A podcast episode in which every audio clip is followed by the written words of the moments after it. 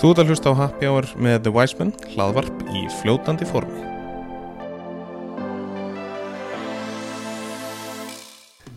Komið í sælar blessuð, kæru hlustundur og velkonni þáttinn Happy Hour. Að þessu sinni veru þátturinn með uh, aðeins öðru sig sniði en gerist og gengur. Það sem ég, Gunnar Hjörvar, ætlar að stjórna þessum tiltekna þætti. Uh, þrátt verið það verður þátturinn ekki að verri andanum, enda er, komin, er ég komin með gest, ef svo má orði komast. Það er engin annar en Andri Davíð, eða öðru nafni Wiseman Andri er ekki nýra nálinni þegar kemur að tóka tappan á flöskunni og ég ætla ölliti að ræða við hann um hans feril og hvað hefur reiki og fjörur hans senstu ár og mánuði. Vilt með endal hlustundum á það að ég sjálfur algjörlega blöytur á bakvið eirun þegar kemur að ég að vera á bakvið blessaða barborðið en gjör þau svo vel. The Wise Man. Takk fyrir það. Já, Gáðan að koma niður þá. kontur sætt Andri. Já, kontu sellir vel. Velkonin í stúdíóið. Takk fyrir það. Hvernig líður þér? Ég er bara nokkuð góður. Nú hérna átt hún að þátt. Þannig Já, ásamt ykkurum. já, já. og hérna nú er ég búin að hlusta á hann býsna mikið og hérna eins og ég langaði að taka í smá vitar Ok. Ég fylgði það. ef ekki bara dempa okkur í þetta Ég held það. ég ætla að skvætti svo bara beint í andluðar Ok. hvar slistu barskunum andri Hva, hvaðan ertu segðu fólkinu hvaðan kemur Já. Þetta er að sagja segur að þessu. já, Fólk spyrir mig oft sko, hvaðan ertu? Og fólk á Íslandi er voða svona hverfa tengt sko. já, Ef þú ert, utan á landið þá ertu frá Húsavík eins og þú til já, dæmis. já eða Akureyri eða Súandafyrði eða Borðeyri eða uh, Nýfstala eða eitthvað. Eða ef þú ert alveg býr ekki eitthvað þá áttu, þú veist, ert þú góðbóðinum eða grafóðinum eða hafnafyrinum eða eitthvað leys það er svolítið annað kultúr sko. Já, en er það að ég hef búið á ég var að tella um daginn á 19 stöðum á minna æfi já, og það er nánast uh, sem sagt uh, flutningar á, á öðru hverju ári það þú ert kannski ekki svo óvanur fluttingum eftir allt saman. Nei, nei, nei, nei, mikið fyririldir sko. Já, já, ok. Og svo ólst ég upp sem sagt í Nóri frá því ég var 6 ára og já, ég var það er rétt, þú 16 ára. Tala um norsku, tala um norsku Já, það, já, þetta já, ég ætla ekki að reyna að koma eitthvað að þetta. Nei, nei, ég tala reybrenduna sko, en það ólst ég þar upp. Uh, En hérna, þannig að ég er í raun Ég svari svo oft sko þegar fólk spyrir mig hvaðan ertu? Þá segi ég bara hverki Eða bara allstaðar Eða hérna og þaðan Eða þú veist, einhvern veginn þannig sko. Akkurat, akkurat, hvað er svona, hvað mannstu eftir þið fyrst? uh, Það er í raun og veru Svolítið bara tengt svona uh, Barnæskunni sko. Ég, ég var voða mikið í, í hérna Upp á skarði í Lundaríkjadal Hjá frænda mínum.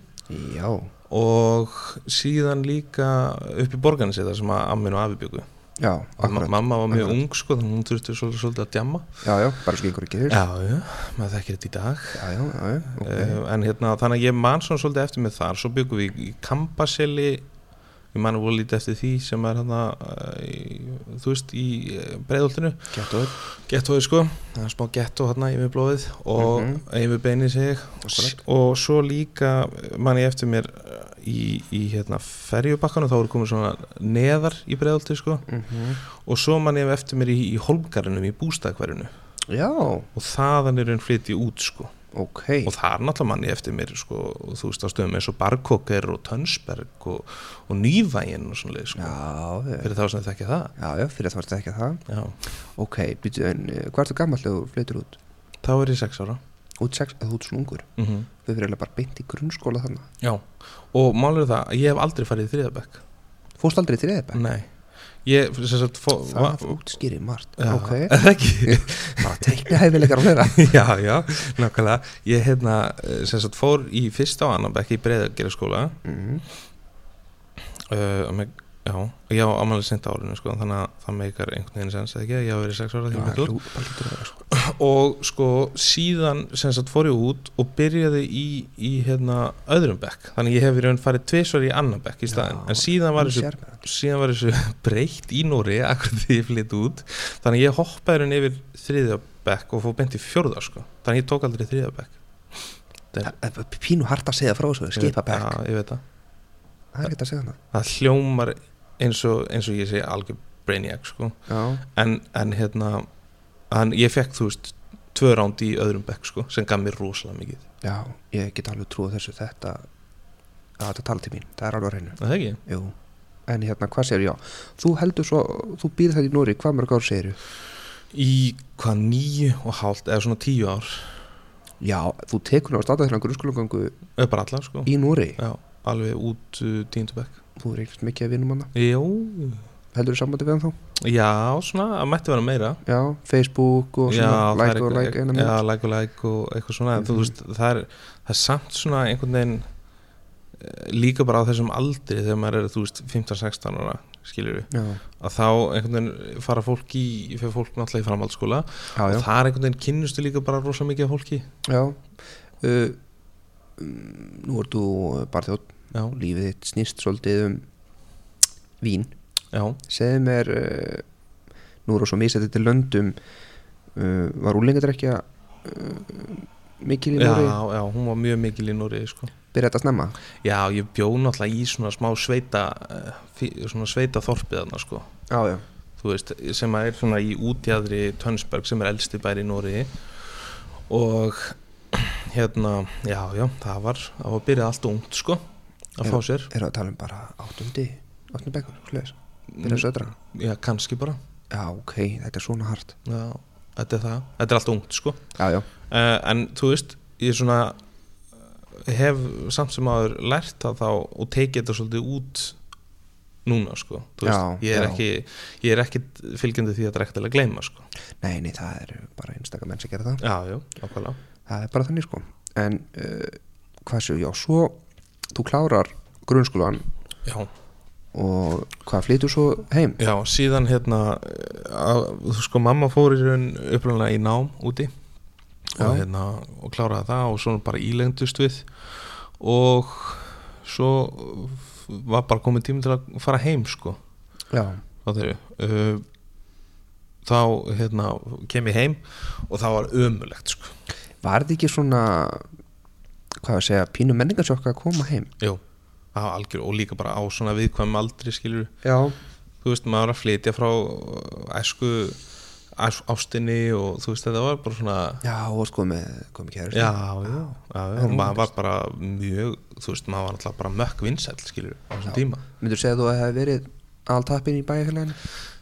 Já, einn aðeim klálega já, já, já, og, og þú veist, maður var alltaf maður bara vinnur sér í hægina því að maður var Íslendingu líka og þú veist, þótti, þótti það, ef við máum stjórnblæði þótti það töff pínu að vera íslingur hana já, alveg sko. Þú veist, það er náttúrulega rosa mikið af svona uh, svona þú veist, öðu, svona austantjáls fólki hana líka sko, já, með fullir virðingu fyrir þeim, já, skilur já, en, en ég þú veist, það var alveg meira cool að vera Íslendingu því það voru, þú veist, það var ég og, og einn annar sem að ég kynnti síðan síðar sko. Við vorum ekkert mikið Íslendingum að nei, ekki þessum tíma kannski. Nei, alltaf hellingu núna sko. Já, já, en þú veist, og núna horfum maður og bara, hugsa, þú veist, þetta er allt krökt einhverjum Íslendingum og bara, þetta var mitt territori sko, já, já, akkurat, akkurat. Maður átti náttúrulega bara sitt í þannig sko, á sín tíma það hljóðum bara, Tjónsberg já, já, það þannig að það var mér alveg í hag uh, að því að maður varð svona uh, svona eftirminnlegu sko, út, út af upprönnunum já, já, já, það hefði hjálpað. Já, og svo hefur náttúrulega alltaf verið letur og skemmtulegu svolítið sko. já, já, já, bara svo flestir þekkja. Já, þó ég sé sjálf frá. Já, ég get alveg sagt það líka. Ah, já, ég ætla að segja það já, Tekur þú undir það? því glist um, svo kemur heim Já, og hérna og það var umulegt já, ég get alveg trúið því að vera ömulegt Já. hvernig hérna um, hvernig gekk með íslenskuna? Ég tala alltaf reyðbyrjandi íslensku. Já, þú varst ekkert reyðgæður eða? Nei, nei, þetta var bara hugsaður alltaf á íslensku eða? Já, alltaf. Já, Það var alltaf til íslenska heima og ég hef aldrei einhvern veginn verið og það pyrra mig þegar ég hitti fólk sem hefur búið úti í korter og Já. tala bara ekki stakt orði í íslensku. Það er bara í alveg við, við þekkjum eina eldri konu sem Já. fer að glöti Danmarkur Já, og það var allt svo dælikt já, sem já, kemur heim. nákvæmlega. Já, það er útrúlega að fólk eftir mikið. Já, það er magnað, en þetta, þetta er fólk á það til. Bara já, ég, þú veist, bjó úti í tvö ár og þú veist, ég er bara riðgæður sko. bara glimtu þessu. Já, þú bara áttir enga málspætur þetta þekki ég bara einn raun sko. þekkir einn skinni einn skinni, já, klálega og hvað séu, þá nú tekur þetta við sá kapli í lífinu og kon heim að það er þetta framhaldsskólin já, og, úlingja þetta er ekki á og svona. Sko málið var náttúrulega að þegar ég kem heim að þá þekkti ég náttúrulega bara engan nei, nei, auðvitað ekki. Þannig að þú veist, það var eh, og kem heim og þú veist, það er allir í með þeir að það er svona allir vininir úti mm. búin að hópa sér saman. Ef, ef þessi að fara, það er allir að fara einhvern veginn eftir tíundabökt þá skilja náttúrulega leiðir og Já, sumir bara- halda já, já. saman í einhvern framhaldsskóla og svoleiðis. Og þá var einhvern veginn allir í því þarna úti. Uh, en ég var að fara heim til Íslands þar sem ég þekkti engan skilur ja, vini, meina auðvitað fjölskyldu svoleiðis en bömmur að, þetta var alveg sko. þetta var, þetta var viðbjöður sko. Já, Þetta var, já, en þetta náttúrulega bara maður lærði mjög mikið af þessu sko. Viðkomur aldur já, þetta er það. Um, en þannig að ég í raun fór ekkert beint í í hérna ég fór ekkert beint í skóla sko. Nei, ég fór að vinna sem, sem verkamæður hjá, hjá eitt ha, já, varstu verkan ég var verkamæður og, í og býtu í hverju? Sko það var verið að hérna, byggja skuggakvarið á þessum tíma. Já, og ég, þar vann ég varstu, ég, varstu, varstu í byggingabransan já, já, ég ætlaði mér að vera smiður sko á sín tíma. Þó, þó að, að kona mín sýstin, hérna tala alltaf um það að ég sé ekkit hendi eða neitt svoleið sko. Nei, við slum koma það inn og hérna núna að ég er máður andra. Já, það er hérna, við slum bara koma þess að fólk sé ekki eitthvað svona það sé eitthvað skríti fjölskyldu tegsl og hérna eh, sko hún, hún vil alltaf meina það að ég, þú veist, kunni ligguð ekki að lifta hamar sko, en ég meina maður ég var bara með heilan vetur sem verkamaður og, og ég lifti hamri sko Já. og ég get alveg sagt það að, að hérna, ég setti upp á samt smið sem heitir Emil uh, allar bárjáðsblöðunar á vesturliðinni á hæsta turninum sko Já. sem er beint, beint á móti ólís þær bárjáðsblöður setti ég á á samt honum þetta eru auðvitað svona það eru bárverðslutur sem hafa líka haldist hvað best það er að hafa haldist langt best sko og þetta hefur verið að fjúka á Já, já. öðrum hliðum. Já, já, ég, ég hef heyrt fréttir af því. Já. og um, varst að slá upp fyrir steipu, varst að slá upp steipumótum og svona? Nei, ég var nú ekki mikið í því. Veist, Ég var svolítið lungið með sóp og að ganga með svona steipupoka og eitthvað svolítið þetta, þetta, þetta er bransinn. Ja, þetta er bransinn, Þetta var náttúrulega skýta vinna sko. já, ískalt, snjókari já, og ég get sagt þér að, að, að hérna, það var vindur og, og það var skýta kuldi og, og hanskar döðu ekki neitt sko. og maður gerði þetta bara af, af, af viljanu sko. já, bara ein ánægju. Hmm. hmm. Það er svolítið þannig. Já, að þú varst í byggingarum sko, þegar sýst, þegar sýsti mín segist þau að ná sér í mann og ég spyr hann hvort það sé eitthvað svona hvort það sé alveg kall sko, hún sagði, blessa, hann kann ekki svo skemmt dekka á bíl sko. Nei, nei, nákvæmlega. Ég bara, nei, þetta er ræðilegt. All, allavega, já, þú tókst heilan vetur í bransan þannig ertu bara, hvað, 16-17 ára? Já, ok, ég er já, bara jafn gamall og þegar fólk uh, byrjar í framhaldsskóla. Já, 16 ára cirka. Mm -hmm.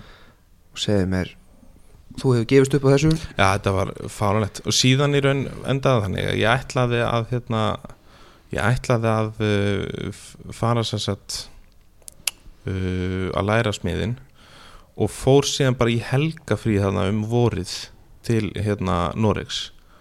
Já, já, eða vikufrí eða eitthvað. Ok. Og, og ætlaði síðan að koma heim og, og byrja bara samning sko. En svo kom ég bara ekkert heim já, þú hefur bara ákvað að vera þessi Nóri Já, ég var bara heilt sumar aftur í Noregi og byrjaði að vinna á veitikósið þá. Já, þarna kannski er startið. Hvað er þetta veitingahús? Herru, það er á bryggjunni í Tönsberg, rosalega flott. Uh, Tönsberg er rosalega svona um, svona sumarbær. Þú veist maður sé eins og köpinn þar sem að bátarnir koma inn og Mhm, eitthvað leis þetta er svona allir veitingastæðanir eru við höfnuna myndur lýsa þessu pínu kannski bara við Húsavík eða eitthvað leir að svona nokkur leiti en samt eru þú veist miklu meiri svona lengja og svona strik. já, já, og svo þetta er svona kanall og hinum enn er eiga þannig að þetta er svona kanall sem fer og allir í ríku kallanir úr Oslo koma þarna á bátunum sínum og já. eru að spriða og þetta er svakalega þétt setið á, á sömurinn sko. já. og þarna var maður að taka tips og þú veist að, þarna byrjaði þetta sko. og varstu þá bara sem þjóttn eða eitthvað þannig eða? já þetta var svona partli, maður alltaf mátti ekki sörfur áfengið þannig á sín tíma sko. nei, þannig að maður mátti fara með mat og svo mátti maður uh, vera í uppvaskinu mhm og, og bara glasabatt skilur Se- svona segðu mér, hvernig hann að stað uh, já, mástu það? nei, býtu sko, ég vann þarna með Henrik vini mínum, einum af mínum svona æsku vinum já, út í Núri og við einhvern veginn bara kom og hann þekkti einhvern veginn einhvern annað já, út frá ykkuru sem að var held ég hann var, að- hann var að æfa- á svona skotfim eða skjóta regla, með minnir að hafi komið þar þá þekkti hann sem eigandinn í gegnum það. Þeir voru perluvinir, þetta var allt gæðir sem voru þú veist, alveg 10-12 árum eldri en við sko, já, og þá einhvern veginn svona slísust við báðir hann inn sko ok. Og svo hérna var ég líka að vinna sko í svona útringi veri til þess að betla peninga. Já, bara kapasett gallup. Já, nei, það var meira bara út af einhverjum börnum sko. Já, Eitthvað já, þannig? bara svona rauð, svo rauðkrossin Já, eða- eitthvað þannig. eitthvað En já. ég fekk svo aldrei útborga þar sko. Og fekk, ég held nefnilega að eigandun þar hafi raun kannski bara sett allan þennan pening sem kom inn bara í vasan sko það lit bömmir maður Þann, já, þannig að mér finnst það ekkert sniðu þannig ég hætti bara þar að vinna þar og, og laði bara áherslu á að fá vaktir hana og svo veit ekki hósi og maður þarna þú veist, normin alltaf nenni að helst ekki vinna sko. Nei, uh, en þarna var, þú veist, þarna var maður að taka alveg nokkuð mikið af, af, hérna, af svona tvöföldum vöktum. Því þeir vinna bara uh, þú veist, þeir vinna helst bara nýju tíma að max sko. Já, þarna var maður kannski að vinna bara frá þú veist, á, eða svona tíu á, á mótna, 11 á mótnana kannski. Mhm. og, og fram að nótt sko. En þarna náttúrulega lokar allt bara klukkan þú veist, tvö eða eitthvað. Já, já, ok. Þannig að þetta hefur gefið kannski okkur leifasan Já, þetta gerði það sko. En svo náttúrulega þurftum maður að fara heim aftur eftir sumarið. Já, Þetta, þetta var sumar sem maður var, maður var náttúrulega að rasa út sko. Og ég reyndar og spilaði líka bolta þarna. Ég var alltaf í fótbolta sko já, já, já, ok. Og var búinn að fara þarna til Danmörkur á Danaköpp og eitthvað Þannig að ég tók eitt tímabil líka þar á meðan ég uh, var sem sagt þetta sumar. Að ég spilaði fótbolta þarna líka. Það er ekkert öðru sig Nei, það er ekkert sér sko. Og myndur segja svona að, að þinn, þinn áhuga á veitika geiranum hafi kviknað pínuð þarna? Já, hann byrjaði þarna, já, alveg klálega og bara sem uh, þjóttn eða barþjóttn Í raun var þetta bara svona seitlita hverju sko. Þetta var þetta var hérna þú veist maður var alltaf alveg greitt skilur og þegar maður tala um að vera alveg greitt þá náttúrulega bara veist ekki neitt sko. Já, já, já blöytur að verðin Já, já, nokkuð það, það, það er þannig í, í trukkabransanum eða ekki? Já, ég myndi segja það, þú væri nýgræðingur. Já, já, við tölum í veitingabransanum svolítið um að vera alveg greitt já, já, Það eru tveir heimar, mikilvægir heimar í, í veröldunni að mætast trukkaheimurinn og veitingabransin þetta er alveg tvent ólíkt sko. Já, þetta er það. Magnaði bransar já, báðir mjög svona ég myndi segja trukkabransin svona, þetta er mikil slúð, slúðumenning Já, þetta kæmur svona um til lista þessu upp í topp 3 þá eru kannski svona á toppnum, svo kom við drukkabýrstofunir og svo hjúgrunafræðingarnir já, það er bara þannig. Já. Að þetta er, þetta er ekki tjók. Eðni. En hérna, já, og þá í raun uh, kem ég aftur heim. Já, og uh, þá langaði mig bara að fara að vinna á veitingahúsi. Og já það er sérst, þú varst búin að setja bara pólinn í hæðina þarna. Já, langaði að halda áfram á Þetta þessu verður bransinn. Já, ég fílaði þetta. Ok, og það var í raun svona á svolítið frænka minn sem heitir Snædís sem var svona, hún er þjótt margar ára og hún svona já, hún var náttúrulega allt og hrifin að þessu þá. Nei. Um, að þetta er harfið bransi já, ég hef hört það. Um, en hérna við, sagt, ég var aðeins svona með henni á, á stað sem hétt á Galileo. Já, hvað var hann? uh, nákvæmlega það sem að sæta svínið er í dag. Já, hann á múti múti sem já, maður já. á sagt í millitíðinni þá er þetta búið að vera mexikansku staður sem að fókusaði á íslenska traditional rétti sem var mjög áhugavert hvernig það er hægt, það er svolítið spesað. Já, það er svolítið sérstætt og svo var þetta hérna, svo var þetta uh, sæta svínin eins og það er í dag sko. já, Uh, þannig að ég var aðeins þar. Svo var ég líka inn á, á hótelinu 1919 á stað sem hét, þá hétt Salt og það var svona svolítið hipp og gúl bar. Já, já, þar núna, eða að á þessum tíma. Mm -hmm. og byrjaði aðeins þar en það var í raun, við erum að tala um bara þetta var bara nokkra vikur sem að fór í þetta skilur við já, akkurat. Uh, en síðan kemur í raun bara staðurinn sem að gera allan grunninn. Og svona mótaði það að uh, ég hérna ætlaði að gera eitthvað í þessum bransa. Og það var kringlukráin Kringlugráin, já, í alvörunni? Já, Þú ert ekki að greiðast núna? Nei, nei bara Það- með, Varstu með Germund Valdís hann bara í bakgrunn og Uh, já, en sko málið það að það er svo margir sem halda að kringlugráin sé uh, ennþá bara einhver svona uh, et- et- já, bara svona drikkjubúla eða eitthvað leis Já, en nú bara þekki ég þetta ekki, ég held nei. aldrei komið að inn sko en þetta er náttúrulega, þú veist, það er orðið svo, svo gamalt, sko, þú veist það, þetta er löngu orðið bara mjög gott veitingahús í, í, hérna, Stöldur maður svið, hva, hvaða ára er þetta? 2005 Já, þetta er svona hryllilega lónt síðan. Mm Það er þannig, þannig er ég 11 ára. Já, það, það, 2005 byrja ég á, á tve- á 2005, 2000, já, 2005 sentum árum byrja ég um haustið þarna einhvern tímann þá byrja ég á kringlugráni og, og þar þú veist, þar einhvern veginn fór ég að- finna að því að þú veist, þú kannt ekki neitt í þessu þó þú sétt búin að vinna þarna eitt sumar og, og eitthvað svo leist þá kannt ekkert í þessu sko, þú veist ekkert hvernig hlutin virka. Nei, þarna var fólk sem að eh, var, þú veist, það voru læriði þjónar og fólk sem að hafði vit, sko, akkurat. Eins og eins svona fárálda hljómar fyrir marga kannski að kringlugráin sé þannig mönnuð, sko. Já, já, en hún er hrikalega verið mönnuð og sem sagt eigandinn á þeim tíma hann hétt Sigþór Sigurðarsson og hann er fyrirvændi fórstjóri fyr, einna aðstu hérna, mönnum sem var á sögu í gamla dag hótels, á, grillinu. Alveg maður í brúnni. Já, bara svona einn af þessum vega mestu í, í veitingasögunni sko, mm -hmm. myndi ég segja. Og hann var kallaður Kallinn. Það er ljónhart. Já. Kallinn.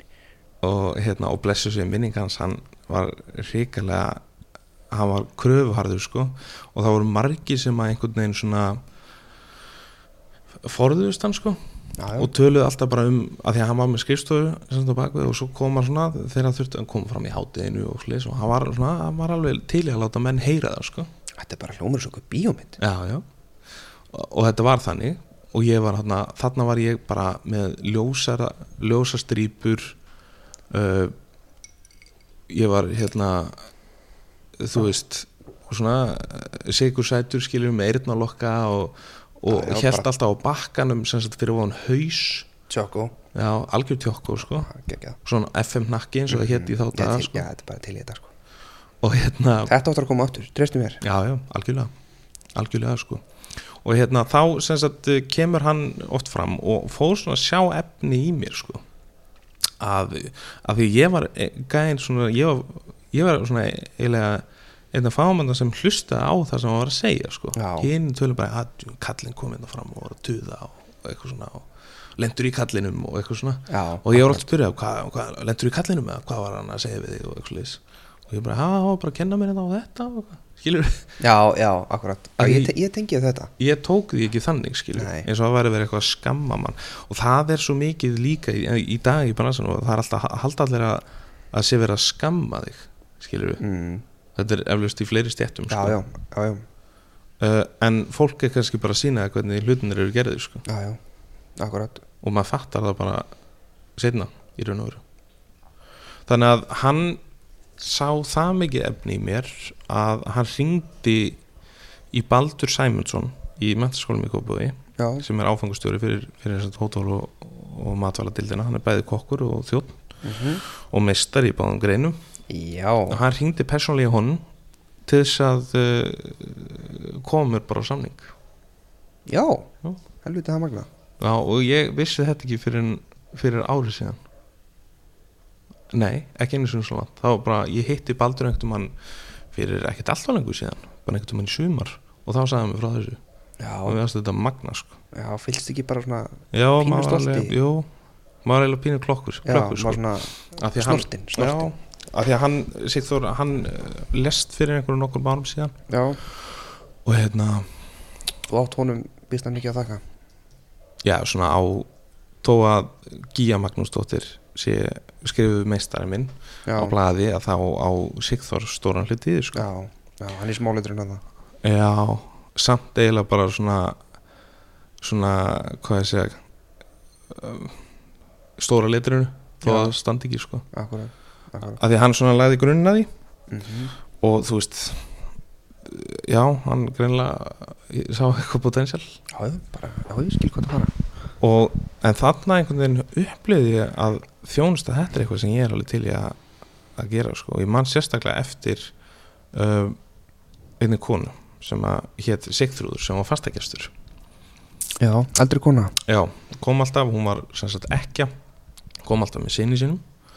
Og einhvern veginn æxlaðist það þannig að ég var alltaf sá sem að þjóna henni. Hún, kom, hún var búin að fatta hvernig ég var að vinna. Fekk sér alltaf halva rauði sprettu og hann fekk sér danst hakabuff og svo hérna uh, þetta var að, þú veist, maður var hún vildi alltaf æris eftir á. Einhvern veginn glimti henni og ég var bara shit. Og hérna, og reddaði því bara og, að því þá var hún staðinu upp sko. Og ég nefnilega klætt hann alltaf í, í, í pelsin Heri, þetta er alveg þjónusta. Já, já, og hérna stjana alltaf svolítið við hana og, og hérna og nefnum þarna klúraðist það eitthvað því það var brálega að gera og, það bara gerist. Já, og ég reddaði þannig að ég, ég leta hann að hafa bara æri sko fyrir take-away. Já herri, þetta er Já. með redda sér sko. Og svo sem sagt til að lýsa því bara hvað ég hafði mikinn skilning á þjónustu á þessum tíma að þá hérna kom sem sagt sonur hennar uh, eitt skipti einn. Og þá sagði hann mér að, að ég spurði eitthvað hvar mamma hans væri. Og sagði mér að hún var komin inn á spítala. Já. og daginn eftir þá átti ég frívakt Mm og þá keirði ég upp á spítala -hmm. á gamla BMW uh, 5 uh, 1988 árgerð sem var geggjaður. FM á, á geggjaður FM bíl.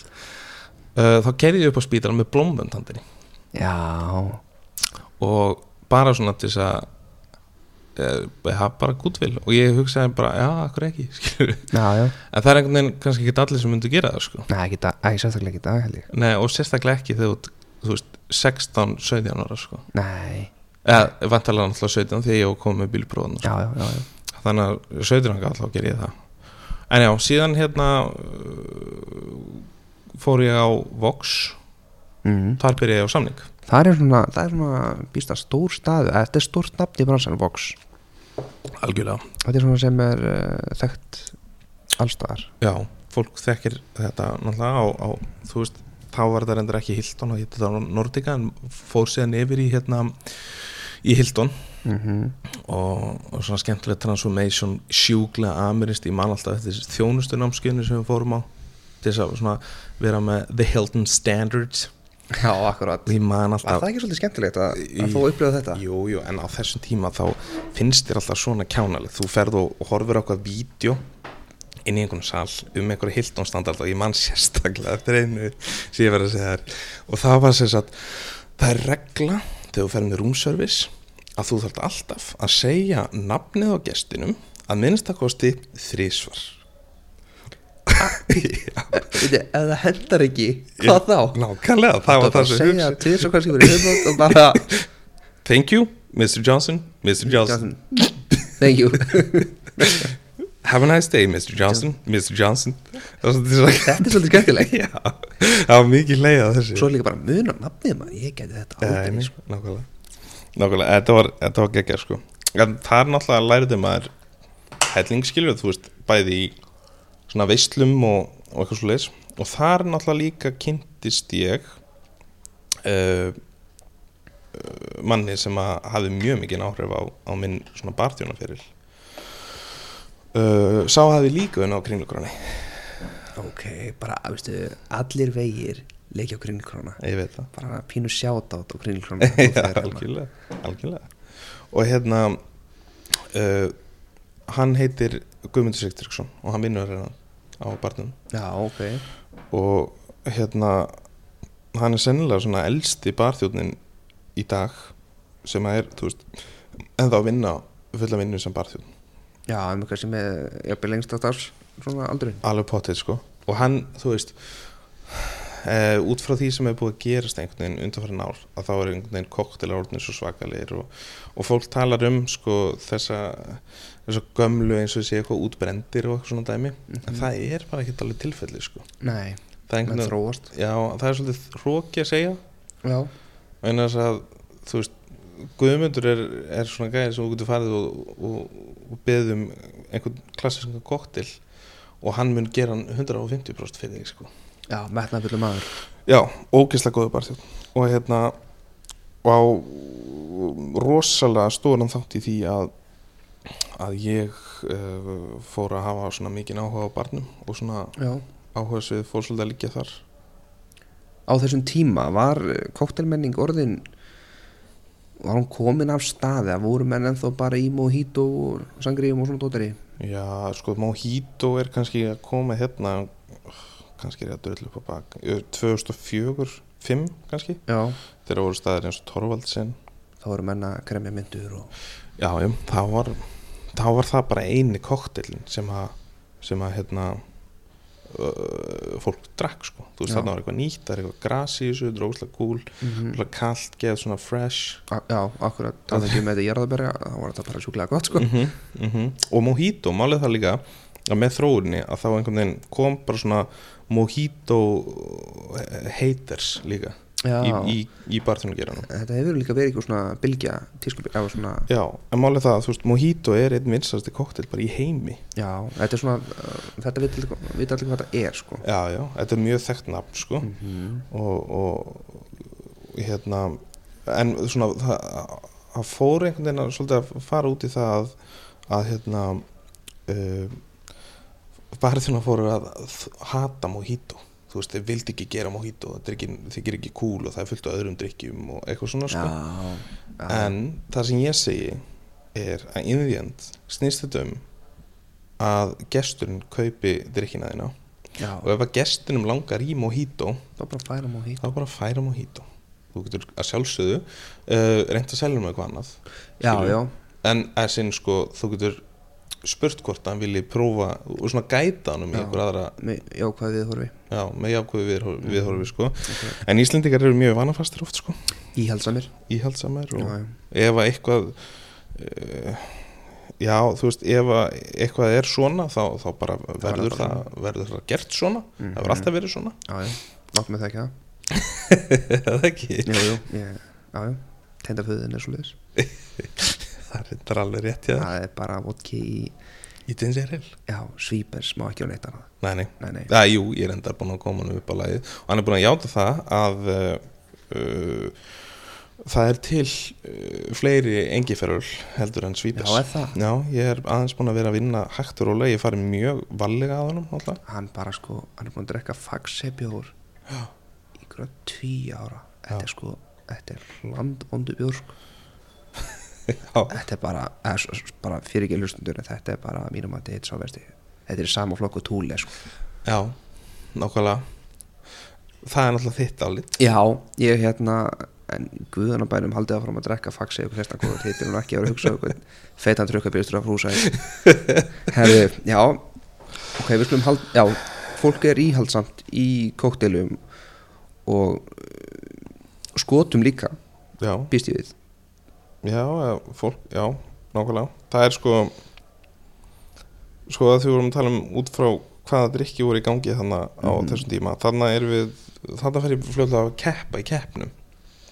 Já, þú dembið er í þetta hana Já, Ertu þú eh, það, Ertu þarna strax ef þú byrja á kringróni svona fullur metnað bara, bara fulla ferð um leiðu ég áttaði mig á því að þetta var eitthvað sem ég væri til í að gera Mhm. og, og, og um leiðu þá einhvern veginn og sérstaklega náttúrulega því ég byrjaði á samning og þá voru ég bara, þú veist, að því ef þú byrjar á samning að þá ert það stefna eitthvað þá Já. ertu að fá eitthvað út úr því þú ert að fá einhverja diplómi og þú ert að fá Mhm. einhverja viðurkenningu og þú ert að gera eitthvað í lífinu þínu skilur við, þetta er kannski aðeins öðruvísi núna í dag en samt sem að það er mjög mikilvægt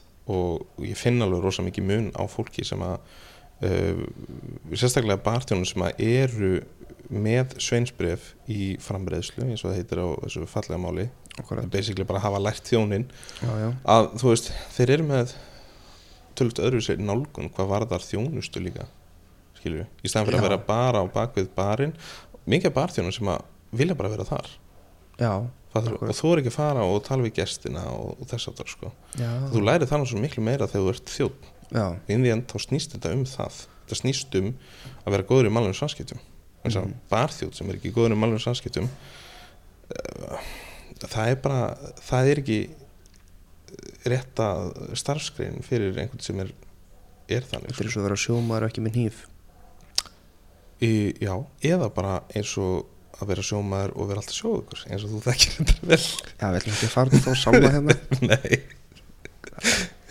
bara, já, við ætlum ekki að ræða það hér. Nei, ekki gott, fyrir ekki en þú skilir hvað ég meina að þú veist, þú, maður verður að hafa í raun og veru bara uh, mannlega samskipti uh, í þjónustu hlutverki Mhm. og barþjóð já, bara skiptir klálega máli þjónustuhlutverk, sko. þannig að já um, mér finnst uh, þannig að það einhvern veginn byrjar fyrir alvöru svolítið á Hilton og þá fer ég svona að hafa áhuga á því að keppa í keppnum og ég var ég, ég var alltaf einhvern veginn seint svolítið á, á mótuströmmnum í, í svona koktelgerð þú veist, ég fór að búa til uh, drikkur skýri uh, silt á móti strunnum ertu þá kannski að tala um að fara þín einn leiðir? Yep. vera pínur svona mm, frumlegur. Mm já, algjörlega. Akkurat, það á óslafi mikið við mig ef allir er að gera eitthvað það sama. það sama, Mhm. þá er ég voru þá er alltaf gæðin sem fer í hérna liðina sko. já, já, ok og þegar maður er þannig að þá einhvern veginn þú, þú er alltaf eftirtekt að vera er þannig. Já, hakkar, ég hakkar ekki sama farinu. Já, nákvæmlega. ég, ég, er að, er að skilja hvað það var hann þannig að ég hef, það hefur verið svolítið minn stíl í gegnum tíðina vill ég meina sko. Og ég líti á mig þannig. Og ég, þú veist bara sem dæmi þarna er strax farið að móta fyrir þessu en að keppni sem ég kefti í að fyrsta keppni minni minn sem ég kefti í minnur að það hafi verið fyrsta þá var ég í þriðarsæti með skýrdrykk sem ég skýrkamur og geggjaður. Og- myndur segja að þriðarsætti hafa komið þér á á kortið. En myndur segja að komið þér á óvart? Þú nú er þetta fyrsta keppni, veist ekki alveg hvað þú stendur. Mm um, var þetta svona surprise? Ekki segja mér þetta hefði verið þrem að þrem Nei, þetta var ekki þeim að þeim. Uh, Þetta var einhverju fleiri. En málur var það að þarna var keppnin sett upp þannig var af, það var Íslandsmót Já. já, og hún var sett upp þannig að vinnubröð töldu x mikið. Og þannig að þú veist, ég var ekki með ég vann rosalega mikið upp á vinnubröðum en þarna á þessum tíma þá undurbjóði mig fáránlega vel. Já, mikið undirbúningur. Alveg bara, þú veist bara gigantískur blóðu skilurðu. svit og tár í, eða þú veist, meira bara svona ég var, ég hafði sjö mínútur til þess að búið til fimm drikki upp á sviði og ég var í raun búinn að skrifa niður hverja einstu hreyfingu sem ég gerði upp á sviði. Já, við erum, erum konin í það djúftónu sömana í þessu. já, getur lýst þessum þetta voru fleiri neitt ykkur, býst ég við þetta er sami drikkur sem Já. sagt í, í fimm mismöndu glösum. Ok, og þarna var ég, þarna var ég sko talandum að, að synda svona á, á móti strömmnum af því að þú veist í reglum BCI sem sagt barþjónklúpsins á þeim tíma þá þurfti ég að fá sér einhverja undan þá og ég þurfti að fá reglubreitingu á því að geta nota skýr sem að var sagt lift þú sést notaði skýr var engin annar að nota skýr það hefði aldrei neitt nota skýr í keppni í Íslandi. bara mm, svona skýr og jógurt þetta er eitthvað ekki sem þetta er ekki fyrsta sem maður tengi við þegar maður er að tala um áfengi Nei, en ef þú pælir í til dæmis Russian. Já, já, reyndar, reyndar. Þá ertu komið rjóma. Já, rjómi er enda, já, æriskoffi með rjóma. Þannig að þú veist, það er einhvern veginn uh, ég ekki segja að hafa make a sense þetta var bara svona rosalega forvitnilegt tráfni og þetta er rosalega skemmtilegt tráfni að vinna með í koktela mm ég fekk nú sér betur fyrir hérna, tækifæri þess að gera aftur fyrir hérna uh, ásatið mjölkursamsögnar núna já, fyrir já. nokkrum vikum síðan. Einmitt, og mjög gaman að endur gera í þennan drikk getur eða stoppa þess að hérna, já, lýst þessum drikk fyrir hlustundum þetta er í raun og veru sem sagt uh, uh, upplunum uppskritina með vanilu vodka og svo er hérna skýr rjómi uh, karmelulíkjör og blábærulíkjör já, og þetta var í raun hugsað sem sem sagt bara eins og skýra blábær Já, það, þetta er skemmtileg hugsun. Já, bræðs, bræðsamsendingin er, ég hef fengið fullt af hugmyndum út frá bræðsamsendingum á bara út um allt, fattur þú veist, Já. ég hef hort á verið að skoða í búðum jafnvel uh, það, það lítur að vera ástæð fyrir því að MS setur fram uh, skýr sem er með banan og já, það er vegna þess að það passa vel saman. Já, já. þannig að ég hef fengið fullt af svona inspiration eða svona uh, hvað ég segja, inspiration áhrif, þú veist, svona hugmyndir Mhm. uh, frá bræðsamsetningum í einhverjum dagvörum skilur já bara hinum á þessum. Já, já, jógurtum og eitthvað svona drast sko.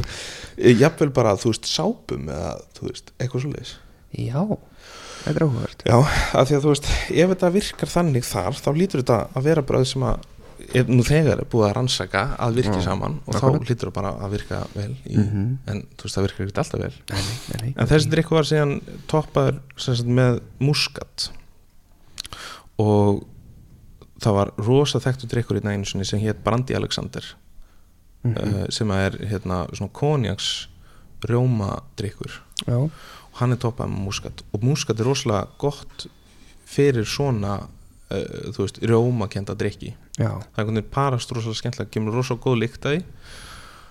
Uh, góður ilmur segi ég. Mhm, og hérna þannig að það meikaði fullkomlega sens. Og þennan þá er ég upp í skóla. Og hann Bárður uh, Guðlússon sem að varð einu sinni var fyrstur Íslendinga heimsmeistari barþjóna já, á ok. sín tíma í Vín. Hann í raun hjálpaði mér svolítið mikið við þennan eh, drikk og ég og hún er rosa mikið að þakka líka.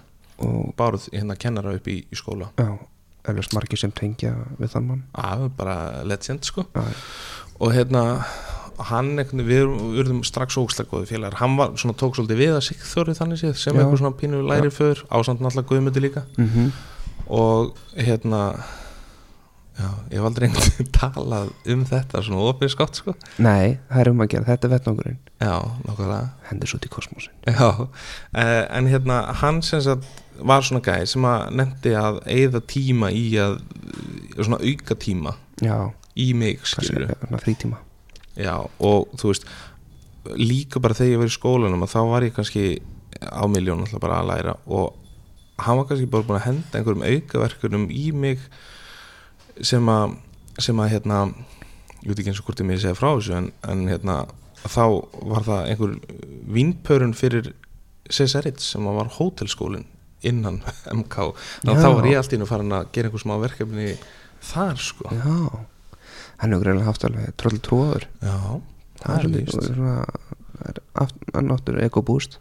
Algjörlega sko. Hmm. og, og þú veist þegar þú fær svona viðurkynningun á þessum tíma þá er líka bara, þú veist, það var fullt af rosalega góðum barþjónum á þessum tíma og maður svona leiti upp til þeirra og, og þetta var allt voða drungalegt einhvern veginn. Já, myndur þú segja að hérna að þessi menning sem er svo í háfum höfðu í dag myndur þú segja að þetta sé að byrja svona þetta er komið á skrið þarna en er kannski verulega mikið að fara á skrið á þessum tíma svona, þetta er að hraðri upplið Já, þetta verður, já, já, vissulega er þetta á einhverju uppleið en það gerist í raun ekkit uh, þannig að tvent sem að, sem að verður að koma fram. Það er það að það er rosa margir sem er að reyna að selja fólki það að hérna, slipparinn hafi byrjað bar koktelmenninguna á Íslandi. Uh, það er náttúrulega ekki rétt. Vissulega by- byrjaði sli, uh, tók slipparinn hérna gerði koktelmenninguna svolítið cool Já, og hýfði hana upp á að, annað plan sko. en það er rosalega uh, vittlust að segja að þeir hafi, þú veist, byrjað hana skilur með svona uh, þú veist, það er, það er svolítið diss á þá sem að, á undan voru sko.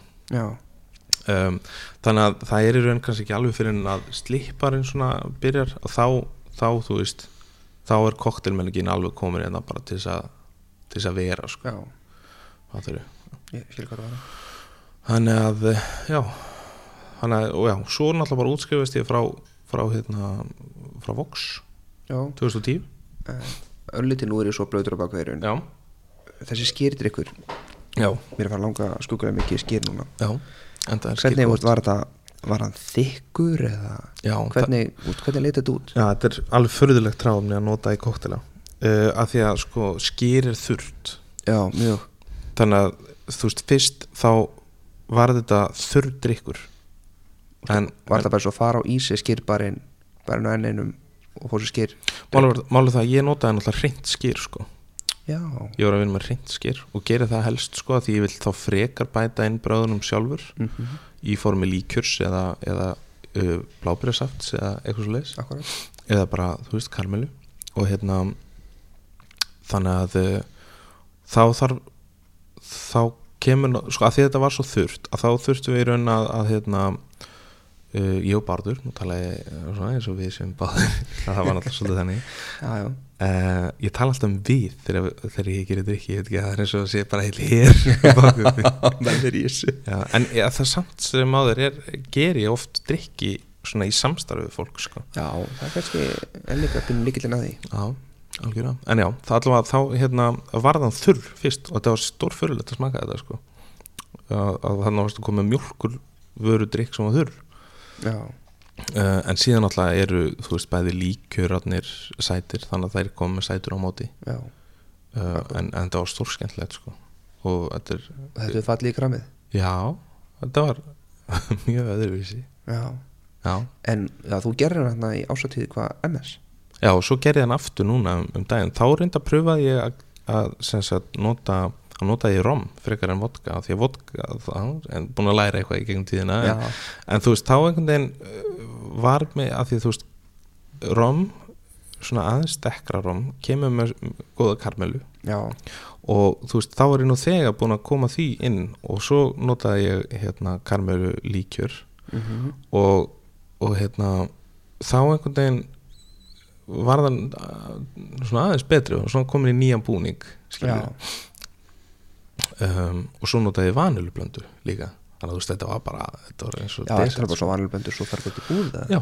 já, ok, ok. Algjörlega. og svo uh, blábæra líkjur frá, frá stórvinum mínum og honum snorra í Reykjavík stilir já, veist, ég er endar að veit hvað snorri er. Já, gegnum þér endar já, já, og þetta er okkar allra besti maður. Já, já. Það hefur verið ekki mikið betur en hann. Nei. En hérna, já, þetta hafa nú verið nokkur stykki fyrir svona ásatíð uh, já, þá fór ég með ferðabarinn og tók uh, kona mína, sýstiðina með mér. Mm -hmm. og hún er lungin sko. Já, nú segðu það já hún er það, hún var sett í það að setja muskat ofan á.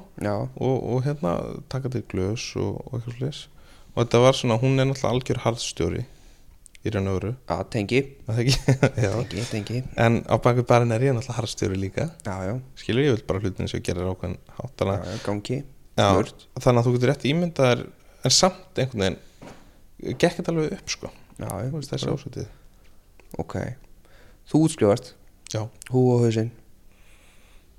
Uh, þá sem sagt fer ég þaðan nýr á nýr í Norrannahús já, þá var hérna Dill restaurant sem var að opna í þriðaskipti núna. Mm. uh, hann var þar hérna uh, búin að vera í eitt ár held ég á þeim tíma. Og ég fer og er einhvern alveg í startinu þarna sko. Þannig séð, þú veist hann er búin að ganga þarna í minnum árið eitthvað. Og ég fer þar inn.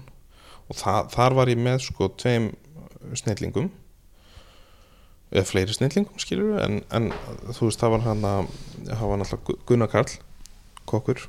Mm og hérna Óli Óla sem er að dansa núna í, í hérna allir geta dansað. Já, já, þeir voru þar.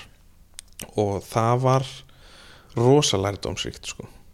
Því það var bara það, þú veist ég var ekki, það, á þeim tíma var náttúrulega ekkert eitthvað svona full staða að vera barþjótt skiljur, nei, hún var ekki komin á þessum tíma. Þetta er búið að breyta svolítið. Já.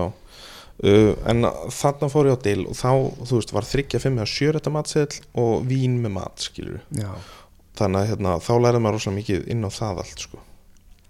uh, en já, þannig að ég var þar í ár. Og málið það að ég var líka búin að vera með þeim uh, hérna Gunna og, og Óla upp á þess að þegar ég var að læra, þeir voru líka voks já, þannig að í raun var þetta svolítið svona extension af af náminu bara. Og það er Mhm. svolítið, þú veist, þegar þú ert búin að læra á stað í þrjú ár, þá þarftu svolítið bara að koma eitthvað annað í kringum nýtt fólk. Já, og bara líka geta þróast bara já, sem barþjóð nákvæmlega. Já, bara Já, þjótt. Já. fyrir ekki og hérna, og það var þú veist, ég fann það bara að ég, ég verð bara að koma í eitthvað annað umhverfi, þú veist frá, með fullir vinningur í þeim, þetta er algjöru toppmenn og mér þykir mjög vantu á sko, og kentu mér helling. Uh, en þá hérna uh, lá leið mín á, á hérna, veit ekki stað sem þú þekki mjög vel. Já, ég held ég veit um tala það þekki Jú, þannig að 2012 nei 2011 þá fer ég á veit ekki staðin sjáagrillið á skólaveristík það er ekki smá stað nei, það er engin smástæður þetta er þetta er pottet add. Það er, þetta er auðlýsing já, já, klálega sko. Mjög góður staður. Jú, ég er enda glimt að taka það fram að á dill kynntist ég líka á nú Kára sem er núna á sjáagrillinu já, Kári, góður yngur algjör, algjör gullmóli góður yngur og hann var þar í startinu og ég tók í raun við hans stöðu þegar ég byrja uh, ég, já, ég hef í raun eldan tvisvar, ég eld hann á dill og svo eld ég hann á, á sjáagrillið já. hvað svona mm, á deil já, ertu og uh, þú veist að hefur ótt þennan stað á skólarsteinum hvað var það bara húst svo stu bara just í bandablaðinu eða hvað? Ég man ekki alveg hvar þetta Já, sem sagt aðkoma mín af hverju þetta kom til. Þekktur Gústa eitthvað þannig Nei, ég hef aldrei hitt hann. Vissi ekkert hver hann var. Mm, Jú, eða þú veist Það þekkja svo margir í þessum bransa sko. En ég hafði náttúrulega þetta auðlist sko mm inn á veitingageran og, og hérna uh, Gústi var náttúrulega búin að vinna maturslumar ásins á þessum tíma og hérna, maður, þú veist, ég vissi alveg að honum sko. Uh, en ég þekkti hann aldrei, ekki neitt og hafði aldrei hitt hann sko. Nei, nei. Uh, en hérna, og ég man ekki alveg hvernig það kom til að ég var að fara þangað endilega ég bara mannaði ekki hvort að Kári hafi jú, Kári, ég held að Kári hafi látið mig vita að því að þá var hann að fara í eitthvað annað, eitthvað svo leis þannig að hérna uh, ég fer þangað já, byrja á sjágrunni og það var bara mjög skemmtilegt. Vá, hvað það hljóma og það var gaman. Já, Nei, nákvæmlega. já, ég kynnist þér þar já, það er svona þú, kynist þér það já, þetta er, já þetta er, já, já. Þú varst þannig svolítið stund. Já, ég var það. Uh, Ég byrjaði þar í raun og veru í uh, Já, 2011 Eftir þjóðatíð mann ég. Þá byrjaði ég á sjágulinu já, akkurat. Já, já, og hérna þá sem sagt uh, byrjaði, byrjaði þar sem að vantala þá ágúst. Uh og, og er þar sem sagt uh, yfir þjótt á annar vaktinni. Og það var svona smá tímabil maður var svolítið mikið að djúsa og já, já, maður var svona svolítið þú veist, vildur? Já, svolítið þannig að því líka bara ég, ég tó Dill var svolítið bara svona áframhaldin skóli þannig að og rosa metnaður og, og það var svona svolítið eins og ég hafi útskrifast almeinlega uh, eftir Dill. Þá tók ég út svolítið svona tímabil eh, sem að sem að ég var bara svona svolítið laus og eitthvað svo Já, já. en, en þú, að því að þú veist, þegar ég var að Dill þá var náttúrulega standarðin svo ógæslega hár að maður einhvern veginn maður vildi standa sig. Auðvitað, og þú veist, þú vildir ekki vera að, að klúðra hlutunum sko. mikill metnaður já, mjög mikil metnaður sko. en það náttúrulega sér maður hvar dill er í dag sko. já, já, akkurat búin að fá mér sér stjórnu og, og er stefnir rætt að, að því aftur núna eftir að, að Gunni kom aftur heim frá New York já, þannig að hérna, svona er svona svolítið frálsleira andrúsloft en á mhm, til, já, já, já, allt öðru þessi staður allt öðru sig uh, og ég hafði náttúrulega ekkert unnið á þannig stað áður sko. Þú veist, ég var bara ég var bara á stöðum eins og Vox þú veist, með dúka og, og eitthvað svona þannig, sko, þetta var aðeins svona léttara andrúsloft um, já. Náttúrulega mjög vinsæll strax. Já, yfirfullt. Já, Bara mörg kvöldur röð. Já, já, klálega og mjög vinsall Það verið mikil kesla já, þetta var klálega mikil keisla sko. Já, og svo náttúrulega ég veit ekki hversu djúpt við farið í þetta. Í, í november að þá náttúrulega kemur þarna kona. Ung kona. Já, með Við getum, við getum ekki sleppt þessu. Nei, það er enda alveg rétt. Tímiður þó að það sé tengt. Já, En endilega segðu með mér. Já, þá sérst kemur þangað ung kona og uh, með pappa sínum og pappa þínum og pappa skústa þeir eru sískinni uh, og hérna þá um, nefnum list nú bara strax á hana og Hvar sást hana fyrst? uh, ég sá hana fyrst í steganum að sjá Sér stíðan í eldhús? Já. Ok. Og þá semst kynnti Gústi mig fyrir henni. Þetta er Anna Margrét sýsti mín og eitthvað. Og ég bara ok, ekki, ekki og þannig var hann voða léttur og skemmtilegur og eitthvað. Já, já. og ég, hérna, hún í kaupstaðferð bjón alltaf á Húsavík. Já, já, ásamt mér. Já, og hérna og þau fóru hann upp og settust feðgininn og, og ég bara, já, hvað sér ég á ekki að fá sér eitt kaldan eða? Og hún bara, jú, jú, jú kannski, kannski einn lítinn bara. Nei, hvað meður, ég gef mig eitt stóran þar og fór bara og náði eitt stóran bjór handa henni. Gamli. Já, já, það var svona Svona var þetta bara. Og hérna hvað, Þú veist, svo bara liðu tíminn skilur Og svo fyrir Gústi eitthvað að segja mér bara, herru, sýsti mig og bara eitthvað Hún var eitthvað að segja að þú væri bara Þú var myndalegur og eitthvað. Og ég bara, já, það Ok, geggjað. Og þá var það bara svona mission bara, herru, þú veist Ég þarf bara eitthvað að gera í þessu sko. Já, náðu sýstir Náðu sýsti Gústa ekki spurning. geggjað mission sko. Og þá hérna þá sem sagt uh, fer maður bara Facebook og náttúrulega bara byrjar að senda. Já, já. Eins og mest í töffarinn í bænum. All Jockoin já, já og Varstu það ennþá með gati auðbrúnni þá? já, nei, já. Ég manna ekki. Ég sakna þess svolítið. Jú, jú, klálega, þá var ég með fyrst ekki, fyrst ekki var með, fyrst þú mannst eftir mér með það, þá Já. lítið að hafa verið það. Mest töf sko. Já, ok.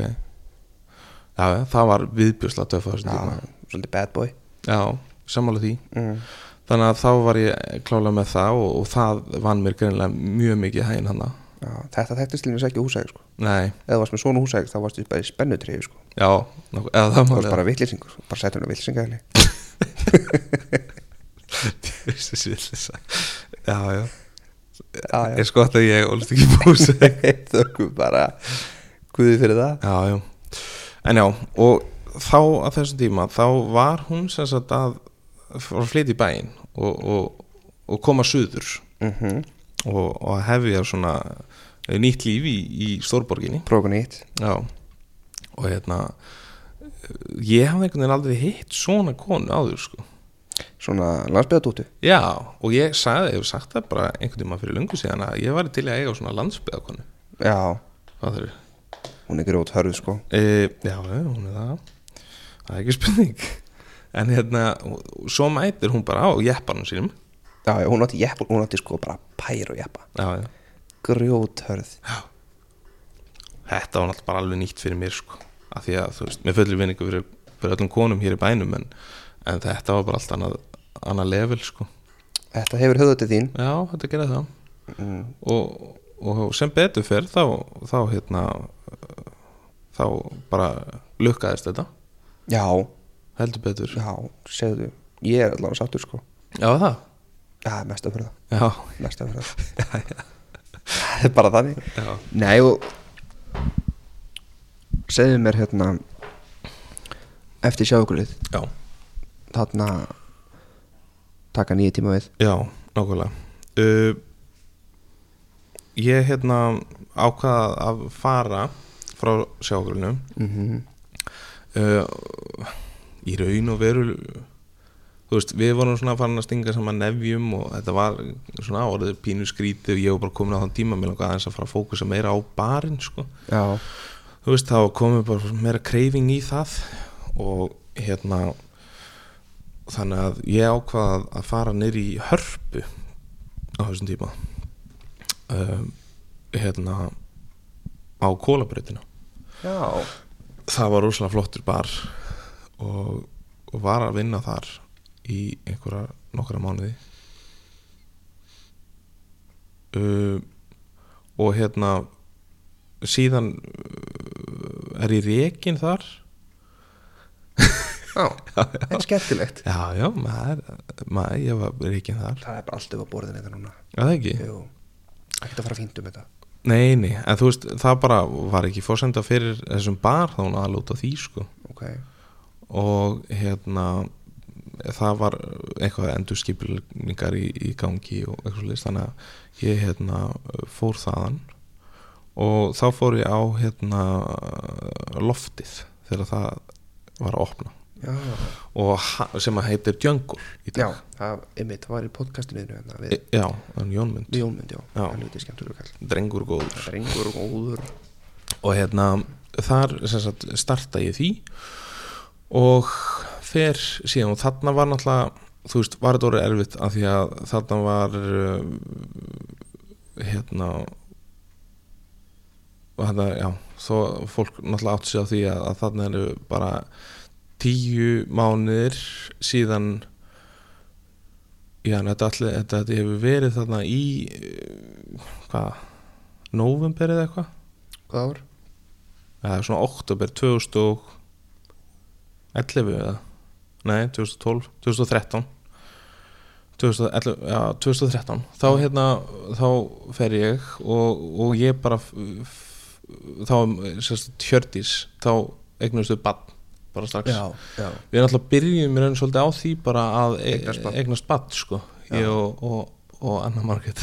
Já, já, ég meina það er það eru Svo ég sem gera það, ég, ég mæli ekki endla með því sko Nei, nei, nei, nei svona ef að einhver uh, Ég var bara búin að vera sko. í eitt, eitt ár held ég fyrir minni konu sko. Já, en ég var náttúrulega bara búin að vera í sko einn og halva mánuð með, með minni konu sko. Já, það næsti bara við Já, já, nákvæmlega En eins og ég segi, sem betur fyrir lukkaðist það allt saman og, En þá, þú veist, var Hjördís komin og, og þá saði Anna Margrét bara herrið, þú veist Nú bara verður þú bara að fara að finna þér einhverja eðlilega vinnu sko Því þetta er náttúrulega mikið nætu vinna Já, svoleiðis. mikið ála líka já, myndi ég segja, já, mikið álag. Streita. Já, algjörlega sko.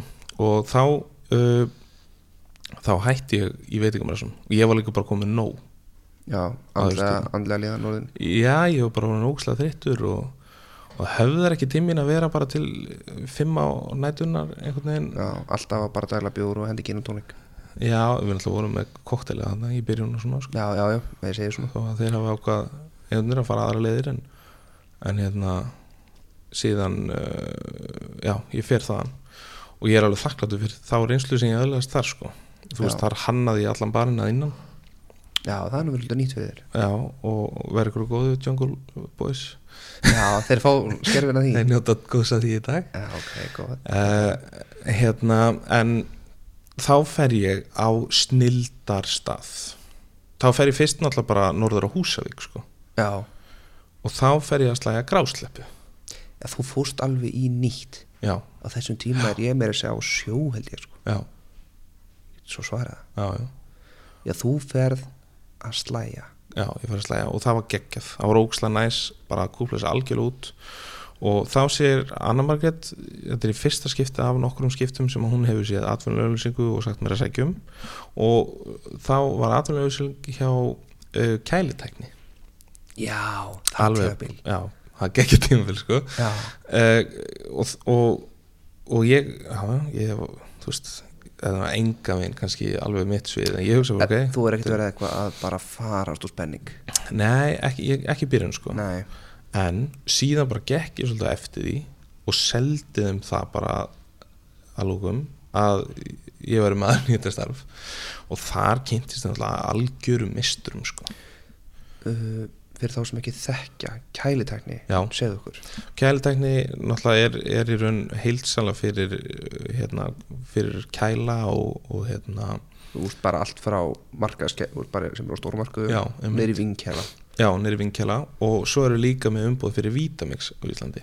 Já, já, sem er náttúrulega bara besti blandarinn í, í bransanum sko. Já, það er best í bransan og hérna Þúsundu ötti eða meira sko. og þar var svo ógeðslega góður mórall og það var svona allir tölvört eldri en ég, lang yngsti starfsmæðurinn og fólk hérna var bara frábært. Og ógeðslega næs þú veist, næs fólk, ég man bara þú veist að hérna uh, þá náttúrulega fljótlega eignustu við Magdalenu og náttúrulega Mhm. vorum ekkert að býða með hlutina. Nei, nei, skilur við bara af. 2014 þá eignustu við Magdalenu og þú veist, þetta er eini staðinu sem að, þú veist, gaf okkur bara skýrnagjöf já, það var bara maður í hvað, 20 svona innegn í kringlunni eða Já. eitthvað svona þetta var bara svona þetta var allt öðruvísi hugsanháttur heldur en í veitingabransan já, ég er endar búin þeirri einstakri já, ég er á þeim stað í vinnunni Mhm. að ég fekk einmitt skýrðagjöf Já. ég var alveg til vílita og Ég bara held- persónlega frá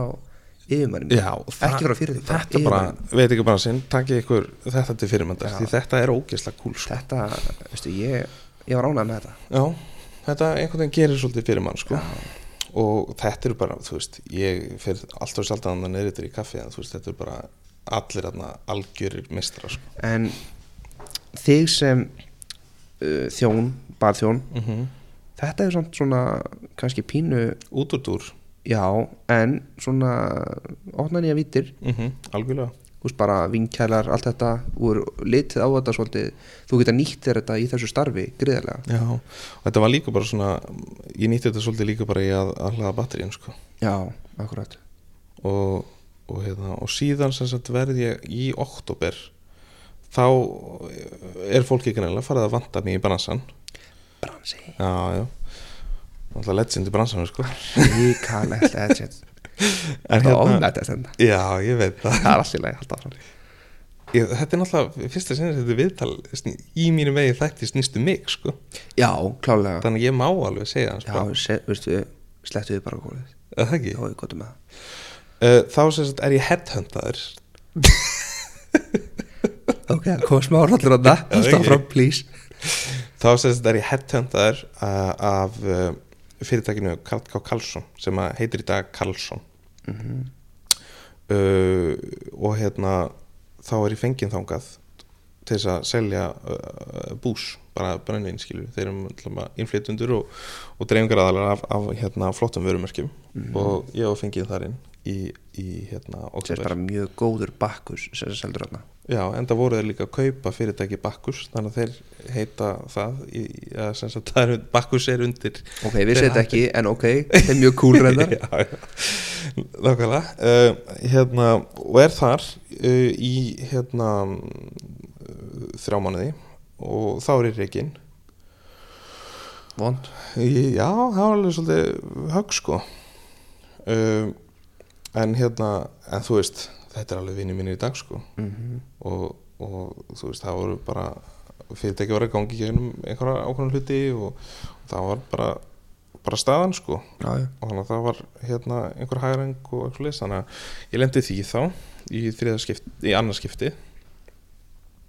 Og og hérna þá fer ég bara norður. Aftur, ég norður aftur. Home base. Já en að þessu sinni þá fer ég með pappa hennum á flutningabílum mm. og þá er bara yfir, yfir jólin þar. Sleikja sárin, Já, já, þetta var alveg högg sko en, Já, en þú veist, skiljanlega. já, en þú veist að því að þá einhvern veginn vissi ekki, já, ok, hvað ég, hvað á ég gera þetta núna? Uh, en allavega þá hérna held ég út frá því að þá er næsta skref í raun og veru bara í, fullblón inn á bar aftur sko, því að þá er hérna man ekki alveg hvernig það kom til. Þá voru headhundaðar aftur. Það er gott að vera headhundaðar sko. Góð reynsla því. Mm þá var sem sagt um, verið að fara að opna uh, barinn Logsins í flugstöðinni já, það, hann er ekki það gamall. Nei, Nei. þetta er ekkert svo gammalt sko. Þetta er þá í raun og veru hvað 2015 þetta er 2015 þetta, þetta er 2015 Já, og þá fer ég þangað sem sagt og, og starta því. Um, og er þar í einhverja nokkra maður, ég voða mikið að vera bara í einhverja þrjá mánuði á þessum tíma, þetta var svona flakk sko. Reyna að finna þig Já, en þú veist það er náttúrulega ástæðar maður er headhunter og rekin og svo ertu það er svolítið sérstætt að vera headhuntaður og svo reikin Já, já, já. Það er mjög sérstætt já, já, það er mjög sérstætt sko.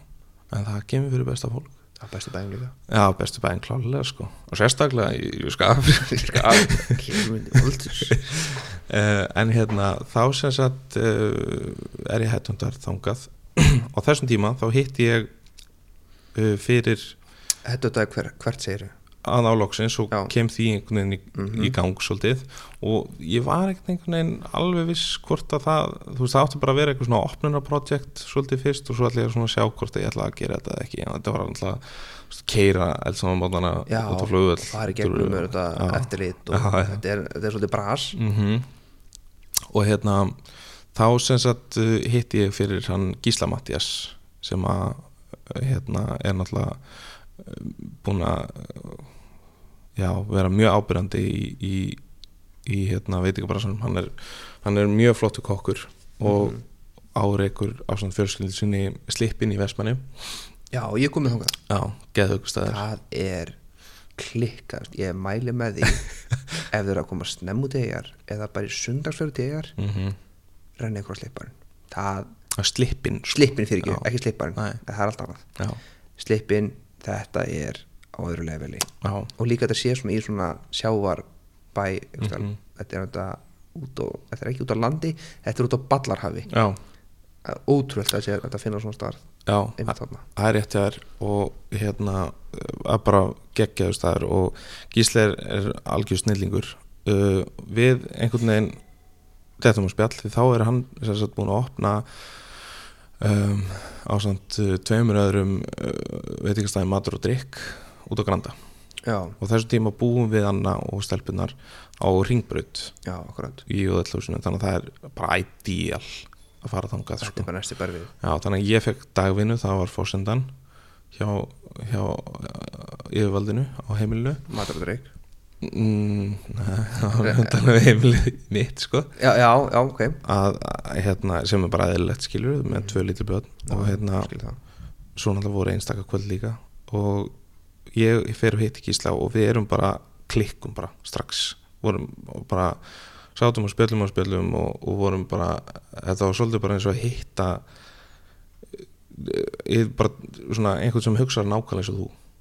Nema bara um mat en ég um drikk Já, Og það hefur alveg passa ja, algjörlega sko. Og heitir hérna og hérna alltaf matur og drikkur sko. Já, já, og búið til sagt, úr, úr hérna, út frá bókinni Matur og drikkur sem að var, var hérna maturistubók og þannig að í staðin fyrir eins og margir staðar er að gera að taka svona uh, vera undir áhrifum einhverja annara landa mm. með ráfni og, og þess að þar að þá var kafað ofan í, í svona sagnir og sögur í, í íslenskir menningu eftir Já, uppskriftum og, og sett það á, á nýtt hérna, plan sko í nýja framsetningum. Svona, mót, svona nýtisklunum framsetningum. Og hérna það er nákvæmlega sama gerði ég með drikkina sko. Já, já. Og þessi tími var klikkaður. Uh, Fættist þarna rúbröðdrykkurinn þarna. Já, rúbröðs brennivinnið varð í raun og veru til á mat og drikk þannig séð já Já, það er fæðingarstaður hans. Uh, já, Já, það er það ég man þetta, ég, ég síndi gísla þetta einmitt þegar við hittumst. Þannig, og þetta var nákvæmlega pælingarnir sem hann Ég maður þú sagði mér hósi fyrst. Þarna held ég að vera að vera í dreina sko. það ekki? Rúbröðsbrenni vín. Þetta, þú, þú getur fengið svona bröðsúpu já, Það er bara rúbröð í fljótandi formi. Mhm. Það er ekki flott um sko. Nei. En En það er líka bara svo eitthvað en þetta er gott sko. Já, og í dag er þetta bara sölu skilur, Já, sem er já, klikkað. þetta er mjög gott sko. sem er mjög klikkað. Og hérna þarna eh, er ég náttúrulega búin að skrá mig í vörklaskemna Já. Og uh, Varst ekkert svona reyðgæður nei, nei, ég, nei, nei, ég var alltaf búin að halda mig við skilur og búin að vera að keppa í fullta keppnum Já. í raun og veru. Þú er alltaf haldið við í þessu. Já, en þarna var á þessu, svona í gegnum þessi ár þá var yfirleitt bara, þú veist ein keppni, eða Íslandsbóndið það var eina keppnin, barþjónukeppnin svona ef við, ef við horfum aðeins lengra tilbaka skilur Já, en síðan fór að koma fleiri keppnir sko og, og hérna og um, vörglaskeppnin kemur þarna. Hún reyndar byrjar þegar ég er á kólabrautinni uh, og hérna þá kemur sem sagt uh, hún byrjar ekki þá en þá kemur svona kynningum það skilur já, og síðan byrjar hún þarna á einhvern tíumbúti og ég einhvern veginn sinnir sér ekki neitt maður og, og rétt slefa þarna upp í topp tíu. Já, Skilurðu? ok, svoleiðis. og þá hugsa ég, heyrðu, þetta er ekki alveg minn stíl sko, að slefa hérna upp í ég er bara alltaf að taka þetta hérna og snýta þessu Búm. gerði mig algjörlega í brók. Já, já, og, já, og vinn vörglas. Þetta, þetta er 2016 og 16 16, hún byrjar hann á 2015 já, hérna heima. Þannig að ég hérna nei, ég var ekki að vinna á kólubröðinni en, en þú veist kynningin á kefni var á kólubröðinni Já. þess vegna er ég eitthvað að fara styrir mér. Já, já, uh, en hérna, já, þannig að ég lendi í því að vinna þessa kefni lendir í því, að vinna þessa kefni, þetta vant að lendi í svona hlutum. Ég veit það. Uh, en mál er það að hún höfðaði rosalega menn þess að þarna allir sko, sköpun að gafa á allt þetta það einhvern veginn bara fekk algjörlega lausa að döma já, þannig að þetta var í raun bara keppni sem ég var búin að býða eftir í öllu þessu ár sko. akkurat.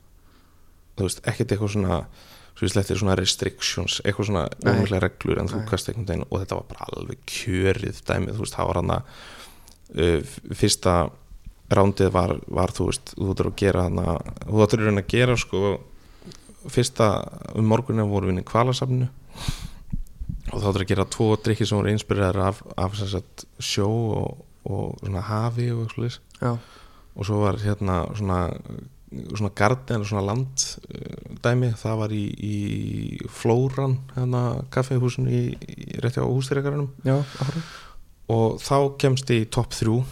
Og svo sem sagt er, fer þá svolítið speedround fram í hörpu. Þú komst inn á þetta speedround uh, viðtalið við Jómund eða ekki? Jú, það svo hefur ákveðin tíma til að hendi í Já. þá hefur það tíu mínútur til að henda í uh, í tíu mismandi drikki það er sérst mínúta hver drikkur sem þú hefur að þú, að þú lítur á þannig. En þú veist uppsetningin þarf náttúrulega að vera allt öðruvísi sko. og gerir bara einn og svo, þetta þarf alltaf að vinna saman. Já, bara svona fyrir leikmann Já, já, þetta er náttúrulega bara, þú veist maður byrjar ekki að þessu, sko. Þetta er viðbjóðslega erfitt, þetta er fáran erfitt og svo þetta sína mismandi tæknir skilju. Einhver drikkur þarf að vera hristur, einhver ræriður einhver beigður, já, mismandi hérna, áfengistegundur, mismandi ráfni og akkurat. þannig að þú veist, þetta er alveg þetta var mjög, mjög töff dæmi, sko. Mm. og þá náttúrulega fer ég bara svolítið yfirum af því að þá er aðal keppnin vörglas náttúrulega er síðan er einn sigur í hverju landi. Já, og svo ferðu á svona sem heitir Global Finals. Og það var í Miami. Miami. Það er, það, er svona eitthvað sjarmur við það. Já. og þarna var ég náttúrulega komið bara í bull, eða kannski ekki ofmetnin en þú veist þannig ætlaði ég mér risastóra hluti sko. Þetta var náttúrulega fyrsta vörglaskeppnin á Íslandi. Já, já, og ég eiginlega nánast klúðraði bara sambandinu og öllu með því að hérna taka svona ridiculous ákvarðanir eins og hérna sem hefum bara starfslúka mat og drikk já, já, og ég ætla bara, ætla bara að vera superstar sko. já, alltaf bara að vera almaður. Þannig að ég er raun og veru hætti þannig að ég náði einhvern veginn að að vera eitthvað viðlóðandi og fá borgað laun fyrir síðasta mánuðin en síðasta mánuðin fyrir keppna fór í raun bara frá 8 á móndana til 12 á kvöldin. Og náttúrulega sjáum börnin þegar þau voru heima á samt önnu um, en annars var það bara að um, undurbúa fyrir keppna já, og hérna og ég man líka bara, minn stíl ég hef náttúrulega verið líka bara að ég man líka bara fyrir keppna áður ég var að neyta heima að þá var ég svona að uh, allt í einu rangaði við mér einhverstaðar út í heiðmörk að leita að uh, að hérna blábærilingi til þess að skreita einn drikk í spýdrandinu já, og svo hugsaði ég, akkur er ég að gera þetta? Tók klukkan eitt og nótt og kemna á daginn eftir sko. og ég bara jú, það er vegna þess að þú ert öðruvís en hinir skilur og þarna voru að koma dómar elends frá já, og þeir sáu það bara þetta er metnar að fara út í náttúruna bara og ná í þetta í staðan fyrir að vera bara með læmbáti eins og allir hinnir þannig að þú veist að fara svona verulega út fyrir ramman það gagnaðist þannig En já, uh, Miami, viltu fara í það? var þetta skemmtilegu tími? Já, þetta var geðvægt Þetta var geggjað. Mjög. Þetta var alveg, störlun að vera á fimmstundum hóteli á South Beach í Miami. Mm. í 11 daga uh, Þú veist þetta er náttúrulega svona, stór keppni að því að þú ferði gegnum mismunandi þrautir í raun og öru, þú átt að búa til mismunandi drikki ferði gegnum fjórar þrautir. Já, og þrautin sem ég var svona er svona challenge eins og maður segir að, sem ég var bestur í. Ég var í raun fyrir miðju í öllum þessum challengeum. Nema eða þú veist, það var eitt annað sem ég skeita aðeins. En það var eitt annað sem kom með mest ávart og það var whisky challengeið. Já, já. Þá átti maður í raun og veru að, að hérna, var með, og glös með sjö mismandi viskjum sem sagt frá Diageo sem að ákemna Já, og það var hérna, þú veist, Singleton og þú veist, Talisker og alls konar eitthvað. Og, og Glenkinsey og eitthvað svona. Og þú áttir í raun að hafa gefið að, að þú vissir í raun að þessi sjö viski voru þarna uh, nei, þetta voru fimm glös og sjö möguleikar. Já, og þú þurftir að negla þá og lókita hvar, hvar hvaða viski var. Og svo til þess að gera þetta bara en þá erfiðara og þá var Johnny Walker sem er Johnny Walker er, er svona blended viski já, og þannig að það er í raun alltaf blanda af singulmalt, mismöndi singulmalt. Það gerir Johnny Walker. Já.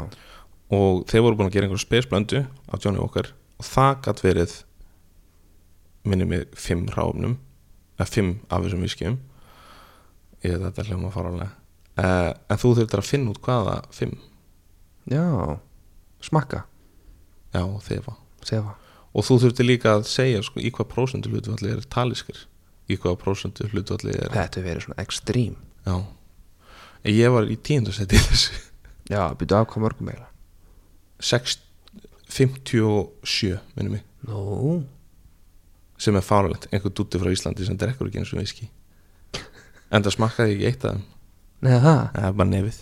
Það er bara nebbin, veistu, Bara kemur já, já, heldur betur sko. Já, þetta er, ég, veist, ég drekk ekki heldur viski sko. Nei. Ég er ekki, og nú þróskaður í það þá. Nei, en ég er svona alveg farin að aðeins að, að drekka viski í dag. En samt svona þú veist alveg, ég er ekkit enda drekki ekki til að gleyma en mér finnst alveg fínt svona, og það kemur ekkit oft fyrir að ég fá mér eitt viski og svona bara þess að dreipa á sko. Þetta er alveg bara í gungu hjá mér sko. Já, Bara að setja reypa á morgundökin nákvæmlega í morgundöginni að fá, fá smá. Það er eða það er blástur á móti. Það sem að hitt í kroppin já, já, algjörlega. Hmm. þannig að, já og svo náttúrulega bara detti ég út skilur að því það er kvötta niður og, og tekið topp uh, 10 mm. og svo topp 5 og ég er náttúrulega komst ekki í topp 10 ég endaði held ég í 20 og öðru eða þriðja seti af öllum sko. Það er ekki bara vísna gott. Jó, ég, ég, ég, mér finnst það sko. Sáttur? Já, ég meina á miða við að þú veist það eru á þessum tíma 10.000 manns úr öllum heiminum sem að skrá sér til leiks í þessa keppni þá Já. var það náttúrulega geggjað sko. Uh, Þannig að, já, þá er ég Miami dottin út og, og að hrundi bara allt Já það. Já, já, ég meina maður er búin að ofmerna svo svakalega. Þetta hefur verið bara Leiðin hefur bara verið niður. Já, og ég get sagt þér að, að á flugvölinni í flugvölinni á leiðinu út að þá álega búið að vera svo mikið að ég var eitthvað svona dotta eitthvað og sopnaði eitthvað og vakna svo og það náðast bara leið yfir mig sko. bara út af álega í flugvölinni á leiðinu út. Stress og kvíði Já, já, já, Já, þetta var alltaf alveg allt nýtt og þú veist. Mm. og þú veist þetta hótel klikkað uh, og hótelskullan og, Tesla það voru bara þrjár Teslur fyrir utan.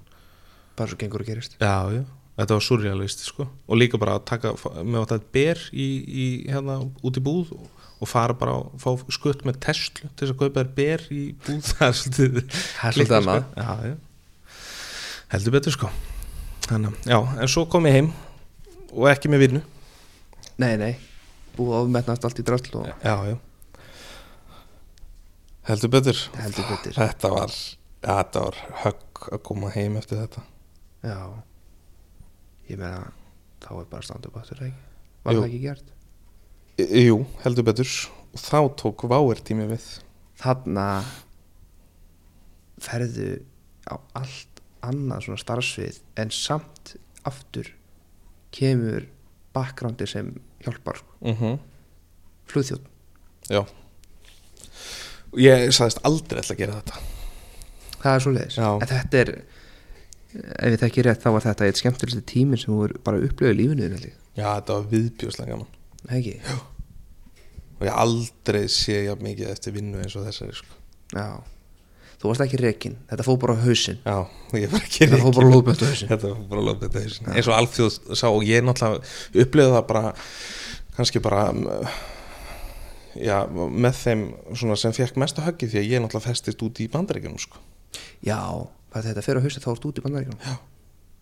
Og það er bara mannstu eftir þetta var sagt við þig? Ég er náttúrulega bara vaknaði morgunin og, og síminn náttúrulega bara þú veist, í ruglinu og, og það er bara fyrsta frétt það er bara, Já, veist, var ekkert búið að ringi í því frá var skúlimós en ekkert búin að henda í SMS og kelin jú, eða sko það fengur náttúrulega allir hérna mailum það sko um, sem að maður lasa þetta um morgunin og við náttúrulega þegar við vorum úti þá hittustu við öll sko því að sagt, krúið eða áhafnin sem átt að fara með vélinni heim hún, henni var meinaðar argangur og hún var komin held ég aftur upp á hótel sko. Já, að því að þá var bara verið að gránda vélarna sko. Já, já, og hérna þá uh, vissum við ekkert veist, að þetta væri búið þetta var ekki búið þegar ég fór að sofa.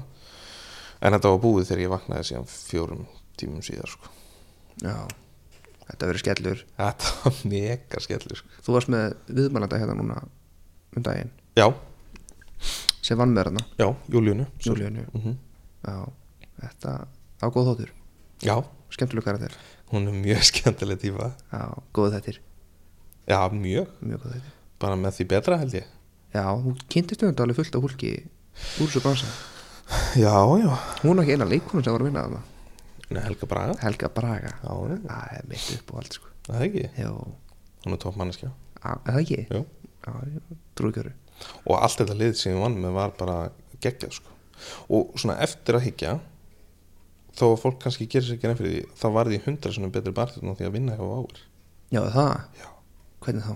rökin fyrir því er að að hérna ég seldi sjálfum mér það þegar ég fór að vinna þar að ég myndi skoða heiminn Já, og ég myndi skoða með það fyrir stafni að vera að skoða og fá svona áhrif af, af börum erlendis og já skoða heiminn með þetta í ljósi.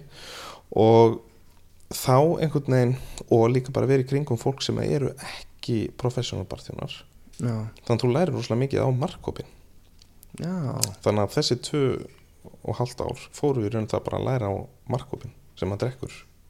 Koktela þarna hefur líka farið frá Evrópu og yfir til bandaríkjana já, en náttúrulega í bandarækjunum lærum við þetta mest af því að þú veist við náttúrulega fórum bara að fara tilbaka til Evrópu sko. Já, já, þú þurftur að stoppa í bandaríkjanum Já. Þarna, þetta litla, litla Ísland hefur nú bara upp á ákveða að bjóða þannig að þetta hefur opnað já, nýja vítir fyrir þér algjörlega. Algjörlega og bara þú veist maður er eitthvað samband bara úti við barþjóna erlendis sko, Já. í bandaríkjunum og, og þannig að þú veist þetta bauði upp á mjög mjög möguleika og ég ætla aldrei að gera þetta. Anna Margrét sótt um starfið fyrir mig sko. Og svo einhvern veginn bara þessar þessa konur sko. Já, svo náttúrulega kynntist ég náttúrulega bara toppmönnum, þú verð að segja bara Sissa og Kristján.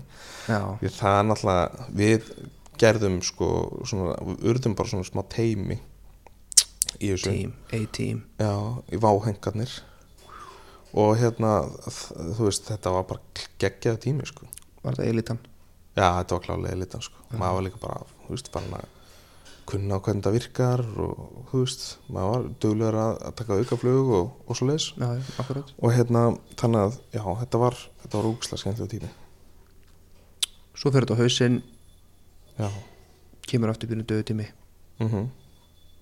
En þá kemur heldur betur, þá kemur bara steinduðu tími steindöðu tími Já, En þú er náða að bjarga þér. já Veislur, alls konar. Já, já, algjörlega. Og þú veist, ég náttúrulega hef alltaf verið viðlóðandi, þú veist, ég er búin að vera í stjórn í barþjónum klúknum, ég hef alltaf verið viðlóðandi við bransan og allt tengingunum minn inn í bransan, sko. Já, já, Ég hef aldrei lokað neinum dyrum á hann þó ég hafi verið að vinna hjá Váver, sko.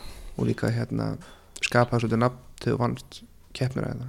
Já, vörklass og hefur náttúrulega verið að skipuleika þá keppni síðan þá, er hún er núna í fymta skiptið hérna heima frá því að ég vann sko.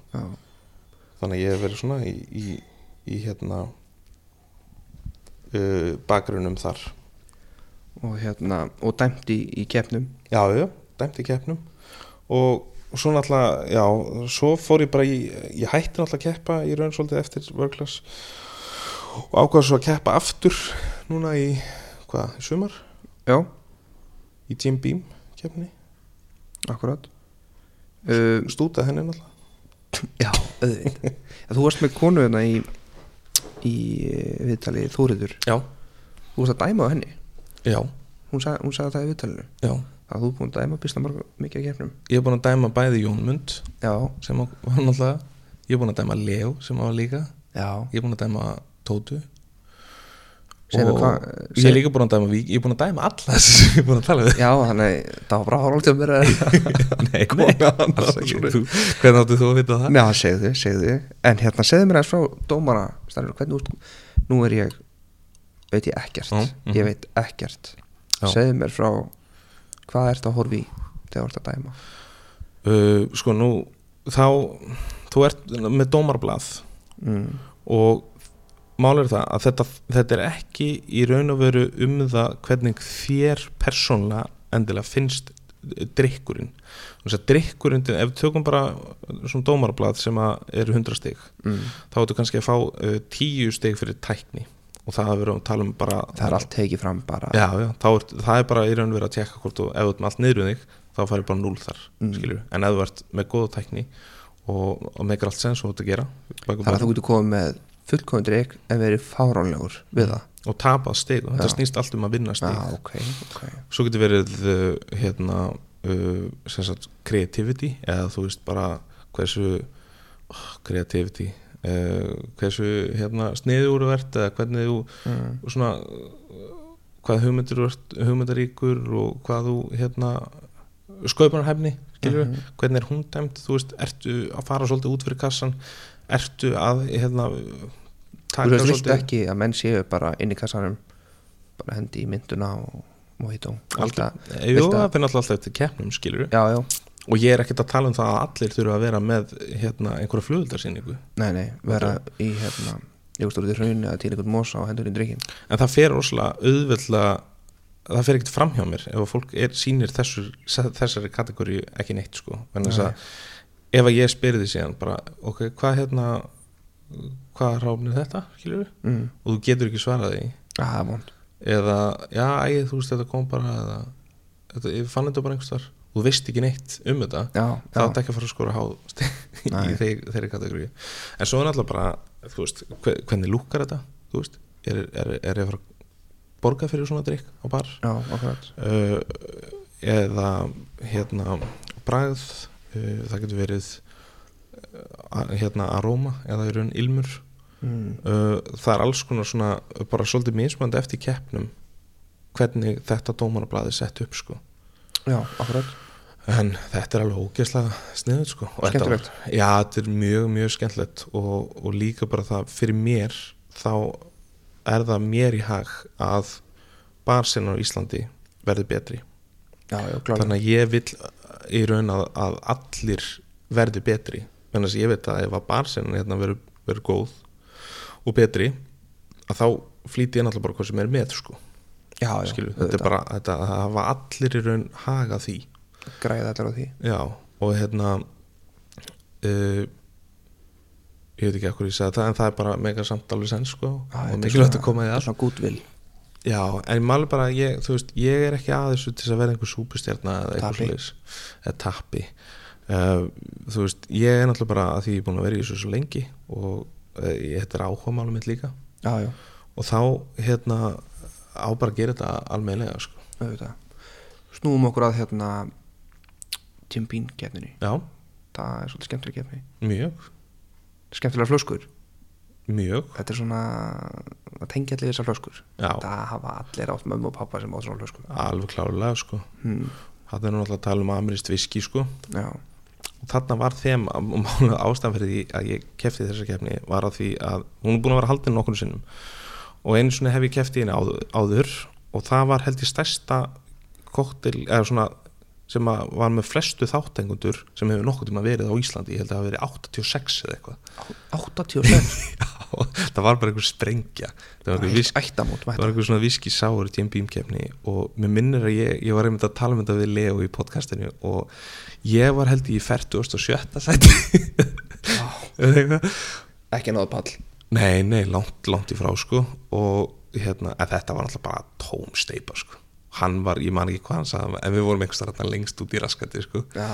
Og þar var, þar var einn alltaf með rugglandrik það var hérna bláberi viskisáur með reyndiralifra fróðu ha, já, í alvörunni? Já, já, Að þetta þetta í hug? Já það er samt ekkert flóki sko. En þess að ef þú tekur bara reyndira pati þú myndir alveg setja skilur eitthvað svona karamelliserað og kannski einhverja bláberi sulta á það. Já, já en þannig ertu bara með það í drikkjaformi Þetta er svona Adjúaldrykk svona, þetta er sem þú færði reyndiri, Já. þreytur já, hendir í leðu sofasætið já. Þetta er svona ráð og hann hétt hérna, Let It Reindeer Whiskey Sour.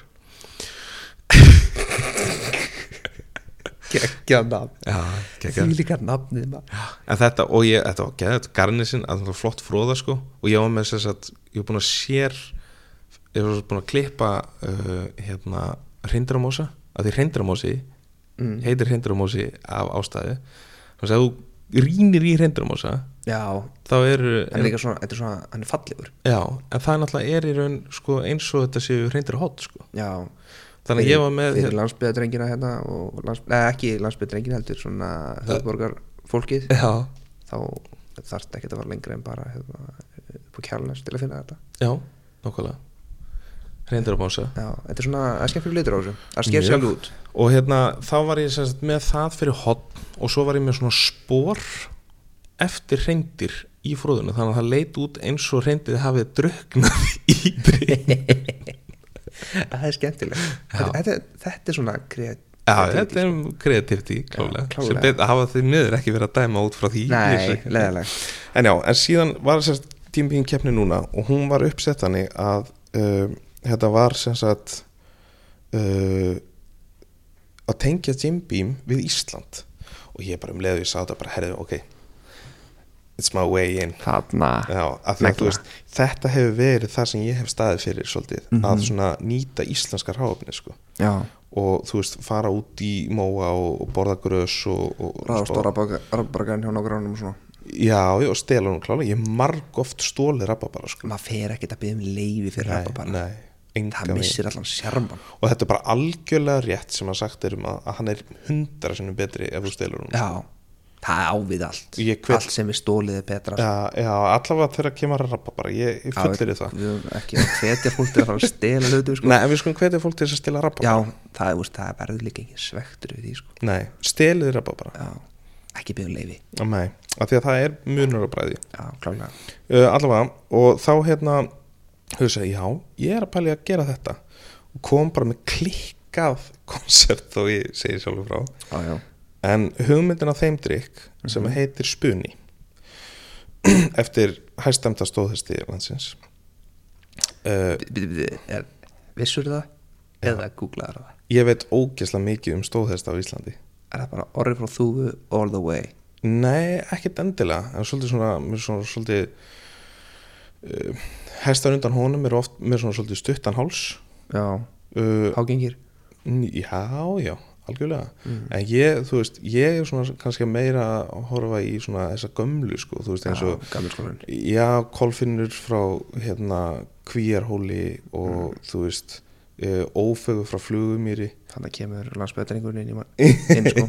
Já, Ánægður þú veist, þetta. eitthvað svoleiðis skilur ég meina, ég er náttúrulega hestamæður sem við beinu, sko. Já, já og hérna, og það geggja að að Hjördís, dóttir mín, frænka henn sé komin í þetta aftur. Já, ég ætla að benda á vorum uh, hlustendu og það, ég fer einu svona ári á bak og það er bara til að rekka rollur og búið og ég er fullu við það. Já, ekki öðru sér, Nei, nákvæmlega. Ég væri til að fara oftar á hestbak sko. ekki ég.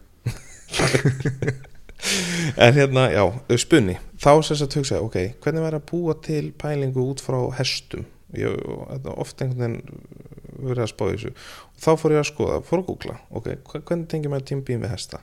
Herru já, geggjað, uh, Jim Beam lit sér hanna kareflur flöskur fyrir hérna uh, fyrir uh, viskið sitt. Að það á ákveðum tímabóndi þá eh, svona eftir áfengispannið í bandaríkjunum já, að það átti mjög erfitt með að selja uh, vöruna þannig að þeir þurftu að gera eitthvað geða flashy þannig að þeir byggu til hérna, byggu til sko uh, flösku mm. sem, er bara úr postulínu bara þvíldi listarök sem heitir Black Stallion. Já, já, og hérna þá sem sagt uh, keftur er þessa flösku og viskið var í því. Þannig ég byggði þetta svolítið út frá því ég bara ok, geðvett byrjaði á því að panta þessa flösku eða kariflu frá íbi og það var þvílíkt vesen sko dýrt líka. Já, já, þetta var tíu skall eða eitthvað, ekki sjá önnum margir það uh, Ég er bara alveg krúsjál og ég missi mér stundum í eitthvað pínulitlum dítil sem in the end hefur síðan ógesla mikla þýðingu sko.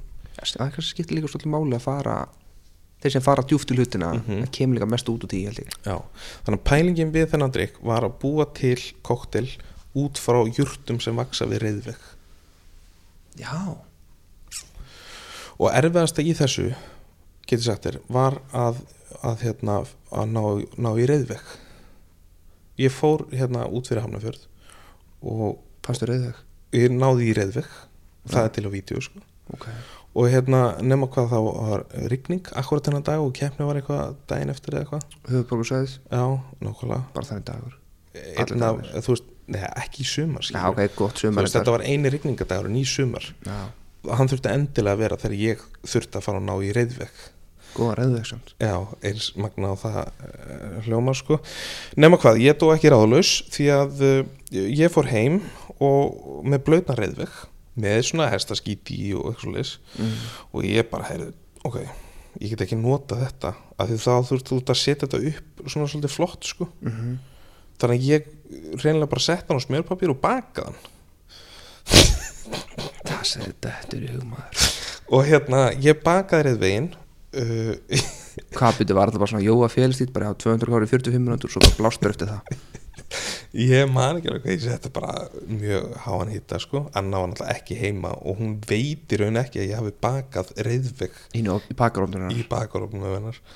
Uh, ég held að ég, ég held samt að hún vita að hún er ekki nefnt þetta sko. Uh, en var líkt eða? Já, viðbjöðslega líkt sko ég var sér betur fyrir náttúrulega bara hérna einn heima sko. Já, já.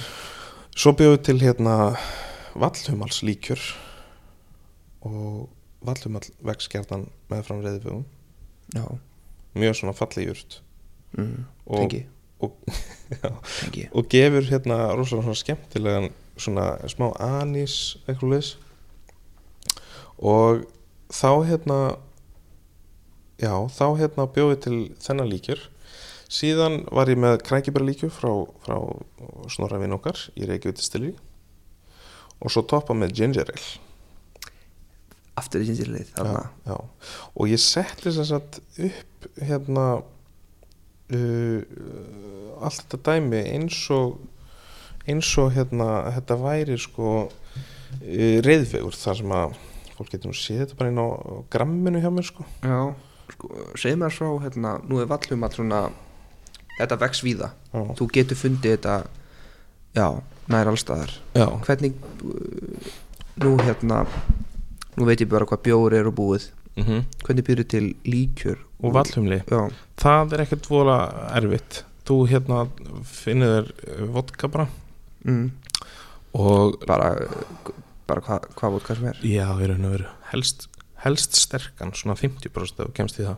Að ef bara þú- koskan korfa alla leiða breytir í rauningi öllu máli sko. mm, uh, bara helst 50% vodka af því að hann tekur bragð miklu hraðar úr heldur en læri með prosentur sko. sterkur spýri já þeim er sterkar í raun og veru en hann má samt ekki alveg ég þarf að vanna mig á að segja spýri það er svona, ég er Mhm. búin að finna það á senstu podcastum að að pró, þá þarf að spýra já, já, já, sem, sem er vel að tala um það Já. já, já uh, svona sterkan spýra og hérna síðan lætur blómin af vallumlum liggja þar í svona já, ákveðin tíma kannski svona sjö daga sex daga eitthvað slega uh, valsumöllin eitthvað lit af sér?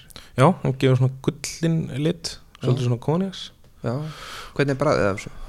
Það er svolítið svona anísfílingur. Já, og það er svolítið svona eins og hálsbrjósvíkur já, en það er vallum að líka uh, læknagjört og er hérna uh, ég er bara einn fjölhafasta læknagjört sem er til í íslenskri náttúru á svona kannski kvönn.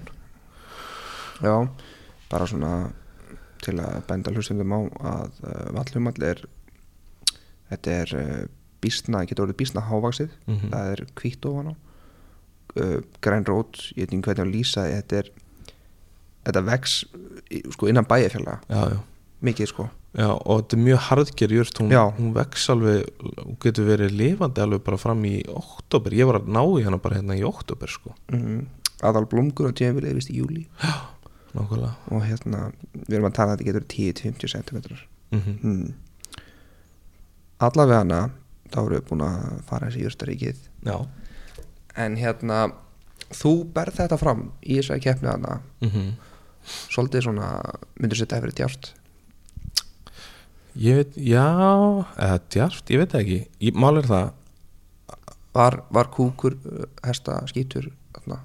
Áður ef við já, Já. sko bakaður. Bakaður, það var hérna lagi sko. bakar enda við 200 gráður. En ég var náttúrulega með svona fullt að hesta tengingu, þú veist, ég var með skeifur. Já, uh, ég þurfti að finna sérstaka uh, skeifur sem ég vildi nota.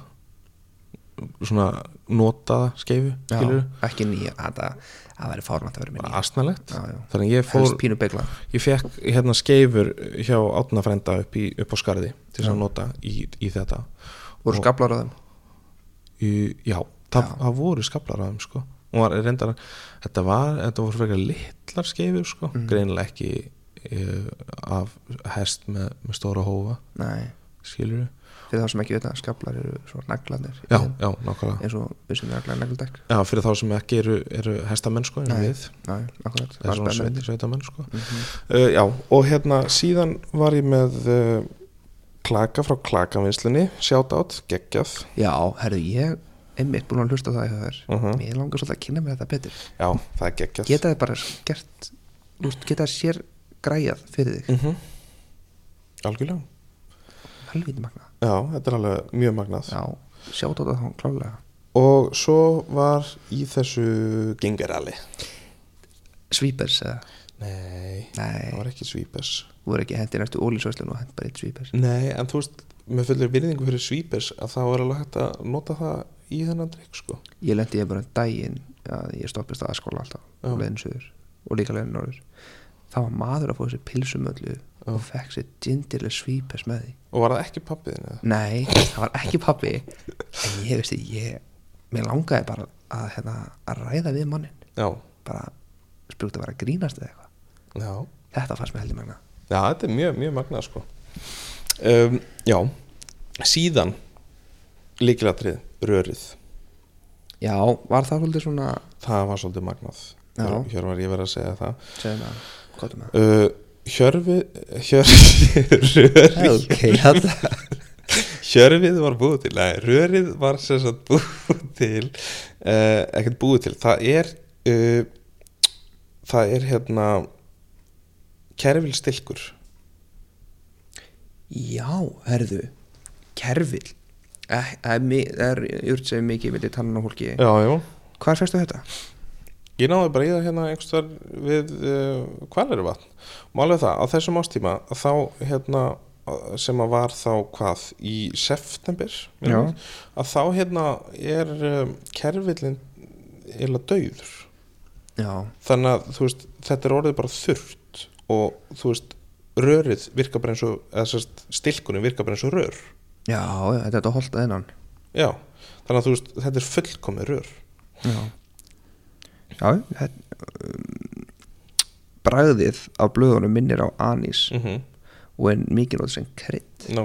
Þannig að þetta er þetta er ekki bara döð og þetta Nei, nei, og kerfill er líka geggjaður. Þó ég hafi bara notað hann í, í sérsagt rörið í þessu tilfelli, þá var hann svo sem löngu dauður þannig séð. Hann var ekki ferskur neinstar á þessum ástíma nei, nei, hva, þetta er núna bara á þetta þessu var, já, ári. þetta var í september minnum alveg. Já, og líka bara, þú veist, þær jurti sem ég hafði akkurat þá, það var Valdimall hann er svo setna á ferðinni þannig að það var, mér varst hann ideal sko. Já, þannig að þetta var svona út frá haust reyðferð, þannig séð, þetta hefur sliðið gegn.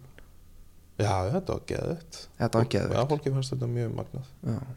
Þetta, þú vannst þetta? Já. Fyrsta sæti, já, heldur betur. Segur tilfinning? Já, þetta var ógslega gaman. Þetta var viðbjörslega gaman, það er alltaf gaman að vinna Já, það, þú veist það, verður ekki leðilegt það, verður, það, er, það er eins gaman að vinna eins og það er leðilegt að tapa. Já, það er alltaf gaman að vinna. Já, uh, Nú erum við búin að þræða hérna í gegnum Já, bæði þitt líf og þinn feril. Mm Það er ímislegt búin að ganga á þína fjörur. Já. Það er ekkert að segja hana nokkala um, Rétt ánum hættum. Mm -hmm. þá langar mér svona uh, aðeins að renna á svona hvað er þitt svona þú labbar hann á bar. Já, hvað byður um þegar þú ert að fara byrjum bara á bjór? Já, þegar þú labbar bara inn á góðum bar hvað bjór færðu þér? Og það ímyndar þessi bar en með alla bjóra heiminum. Já. Skjóttu. Ég er voða hrifin af alls konar bjór í raun og veru en mér finnst þægilegast ertu bara að fara í vikinglaðir nei, ég væri meira kannski að fara í pilsnur svona eins og stellu eða eitthvað já, svona léttan. Já, eða þú veist, pilsnir er náttúrulega bara kategóri yfir típa bjór. Mm. það er náttúrulega svipað og, og, hérna, og lager þannig séð í bræði svona fyrir leik svona fyrir fyrir hinn venjulega borgara. Þú ert ekki að fara í þú veist eitthvað rándir af bjóra ég er ekki mikið að fara í einhvern skósóla bruggaðan nei, uh, porter eða eitthvað nei, þannig sko. uh, mér finnst þú að gaman að smakka svo leiðis já, já, en svona persónlega þá lítið svolítið á bjór sem svona svala drikk skilur já, þetta er gós uh, já, og já, mér finnst svona ég, ég var miklu meiri nöytt nýjónum finnst mér ef hann er í þessu formir þú veist, einhver lagar já og, Mm. og hérna og uh, eða svona pilsnir svo stella eða pilsnir urugvel eða, já, eða böddvar eða eitthvað leys rautt eða hvít? Það fer eftir rosalega uh, fer rosalega eftir aðstæðum sko. Lögataskvöld, konur svo fann en það náttúrulega verið að vera hvítin því hún er ekkur ekki rauðin Djú. ég líður rosalega fyrir það fyrir ég er ekkert að, ræða þetta sko. Nei. herðu, færum okkur yfir í en það sem allir eru búin að býða eftir þetta núna já, kótel þú ert að labba hérna inn á bar á Já. Klukkan er tíu þú er nýkona tónleikum og hörpu. Mm bara, þú veist, allt ekki að spræður nýbúin alltaf stóð tónleika. Þú ert í good feeling. Og þú ætlar að henda þér í kótel já það er að þú tala um alltaf bara eftir tónleika þetta er alltaf æri sko. Þú veist að það er allt, í svona tilfelli. Í svona tilfelli, já, áttur uppáhalds? Bara í raun og veru er ekki að segja ekki hérna tónleik já, upp á strikk þá bara uppáhalds kótel já, já, ég, það er kannski ekki alveg gott, nógu gott dæmi er um samt gott, mjög gott dæmi mjög gott, virkilega gott Já, dæmi þetta er nefnilega, gott deyja hana það. góðu kvöldi og ég er bara að fá inspiration fyrir, fyrir mitt eh, fyrir svona áframhaldið þætti af, af hérna hristaranum sko, út frá þessu sem Já, það segja. ekki? Jú, að setja fólk frekar svona Í aðstæður, já, þetta, þetta er mjög Já, já. takk fyrir þetta. Já. það er gott að maður sé að læra segðu mér, uh, besta kótel já, uh, það eru pínur hraðarspurningar já, nákvæmlega. Besti kótell er Negroni. Hvað er negrum í, það er gin, sætu vermúð og kampari hristur, nei, hræður hræður oh, er bara eða beigður í raun og Hann er veru, beygður, sko, já. sko. það er stóran klaka. Þrý hlutir sem þarf að vera á barnum. Já. Hvað er það? Uh, það er áfengi. Áfengi, fyrir utan áfengi. Já, ég, ok. þetta eru hlutir, Já, sérst uh, áhöld þá. áhöld Já, Það þarf að vera hristari, skeið og, Og- sjúsumælur súsamæli Ertu, er, eru svona Sko, eru menn hún þú súsamæli? málið það Þó ég tali um, um sjúsamælir og fólk tengir sjúsamælir eins og hérna svona eh, einingu með 30 millilitrum eða 3 centilitrum Mm. og svona stöng til þess að halda uppi sem dettur samt alltaf ofan í Já. hristaran Aha. ég er ekkit endilega að tala um það sem sjúsamælir ég veist bara sjúsamælir, gamalt íslenskt orð sem ég vil notast við og það má alveg vera yfir þessa jiggera eða byggara eins og er að tala Já, sem eru svona eins og tvískiptir. Einmitt, Já. einmitt. þetta er sjússa mælir fyrir þess að hann mælir sjúss sem bara þannig að halda svona gett funky hátt og og já, gett já.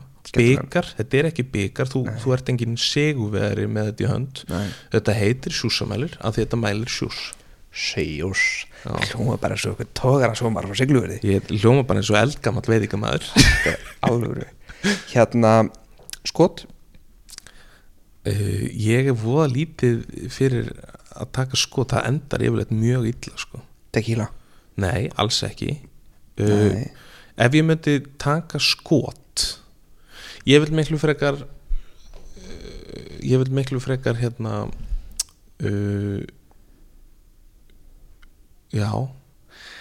Ég á mér ekki uppáhalds skot. Eru menn, veist, er það eitthvað svona innan barkjana skot, veist, eru menn að jú, er þetta við djóka, skot? herru, sorry.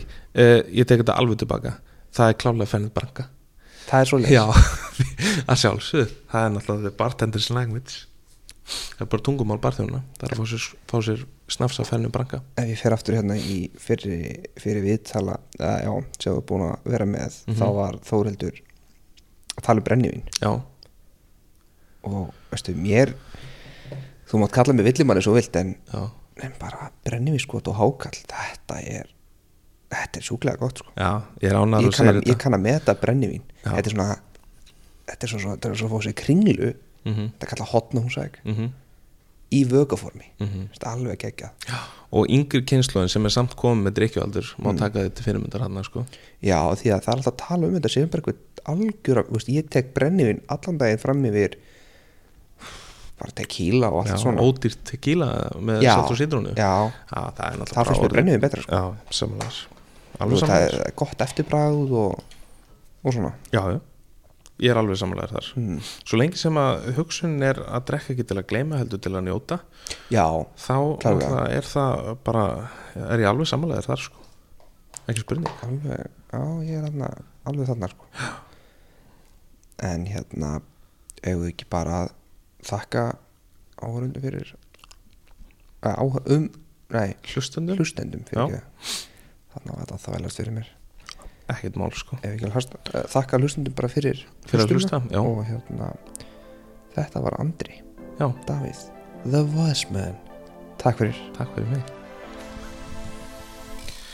Þar af við það gerir hlustundur í tilöfni af uh, 40. þætti af Happy Hour þá var uh, tekin svo ákvörun að byrta þessa upptöku sem uh, tekin var upp í desember á síðasta ári árinu 2019 sem var okkur afar gott Nú, ég verði að játa því að það var svona einstaklega skrítið og pínu óþægilegt kannski að skipta um stól og vera viðmælandi í einn þætti en vonandi komst ég ágætlega frá þessu Nú taka skal fram að eh, sá sem settist í minn stól sem spyrjandi var máu minn hann Gunnlaugur Hjörvar Gunnlaugsson sem er eh, frábær eh, drengur og taka skal fram að hann er mikill bjór unnandi en það er hann einn af spurningahöfundun í þátturöðinni Bjórdælina sem að má finna hér í Apjór og hefði ég satt að segja ekki geta fundið betri mann í verkið Nú, ekki gleyma að kíkja á heimasíðuna væsmenn.is, þar má uh, lesa allt það nýjast og helsta úr drikjar heiminum og uh, endilega fylgi væsmenn á uh, Instagram og Facebook og ekki gleyma aðtekur í Facebook-grúpuna Happy Hour með The Væsmenn. Svo ber að nefna YouTube-rásuna þar sem byrtast reglulega vídeo þar sem væsmenn kennir koktela gerð en uh, þátturinn verður ekki lengri að sinni. Þaukum fyrir að hlusta. Munið orð eh, væsmenn, drekkum ekki til að gleyma sínum sjálfum okkur og öðrum virðingu og drekkum frekar til að njóta. Takk eh, kærlega fyrir að hlusta en og aftur. Þangar til næst. Væsmenn out. Jöfnir spulli Nei, þá ætla ég að hérna bara henda í introið. Já, Þetta er til. Ég er til. Þetta er, það er ekki tala fallega um því samt sko. Nú, það? Ég, uh, ég er máurinn, ég má ekki tala fallega. Nei, nei, nákvæmlega. Klár? Það heyrðist í brúköpinu mínu Já, talaðum við brúkum við svo væri sko 200 kíló. Já Herri, ég er bara tilbúin þegar þú er tilbúin Já, allavega hana. Herðu. Nú er ég að hugsa pappi hefði sagt þetta. Ok. Veistu Það er svona hlátur í maður núna? Ég fíla það. Já, þetta er bara, ok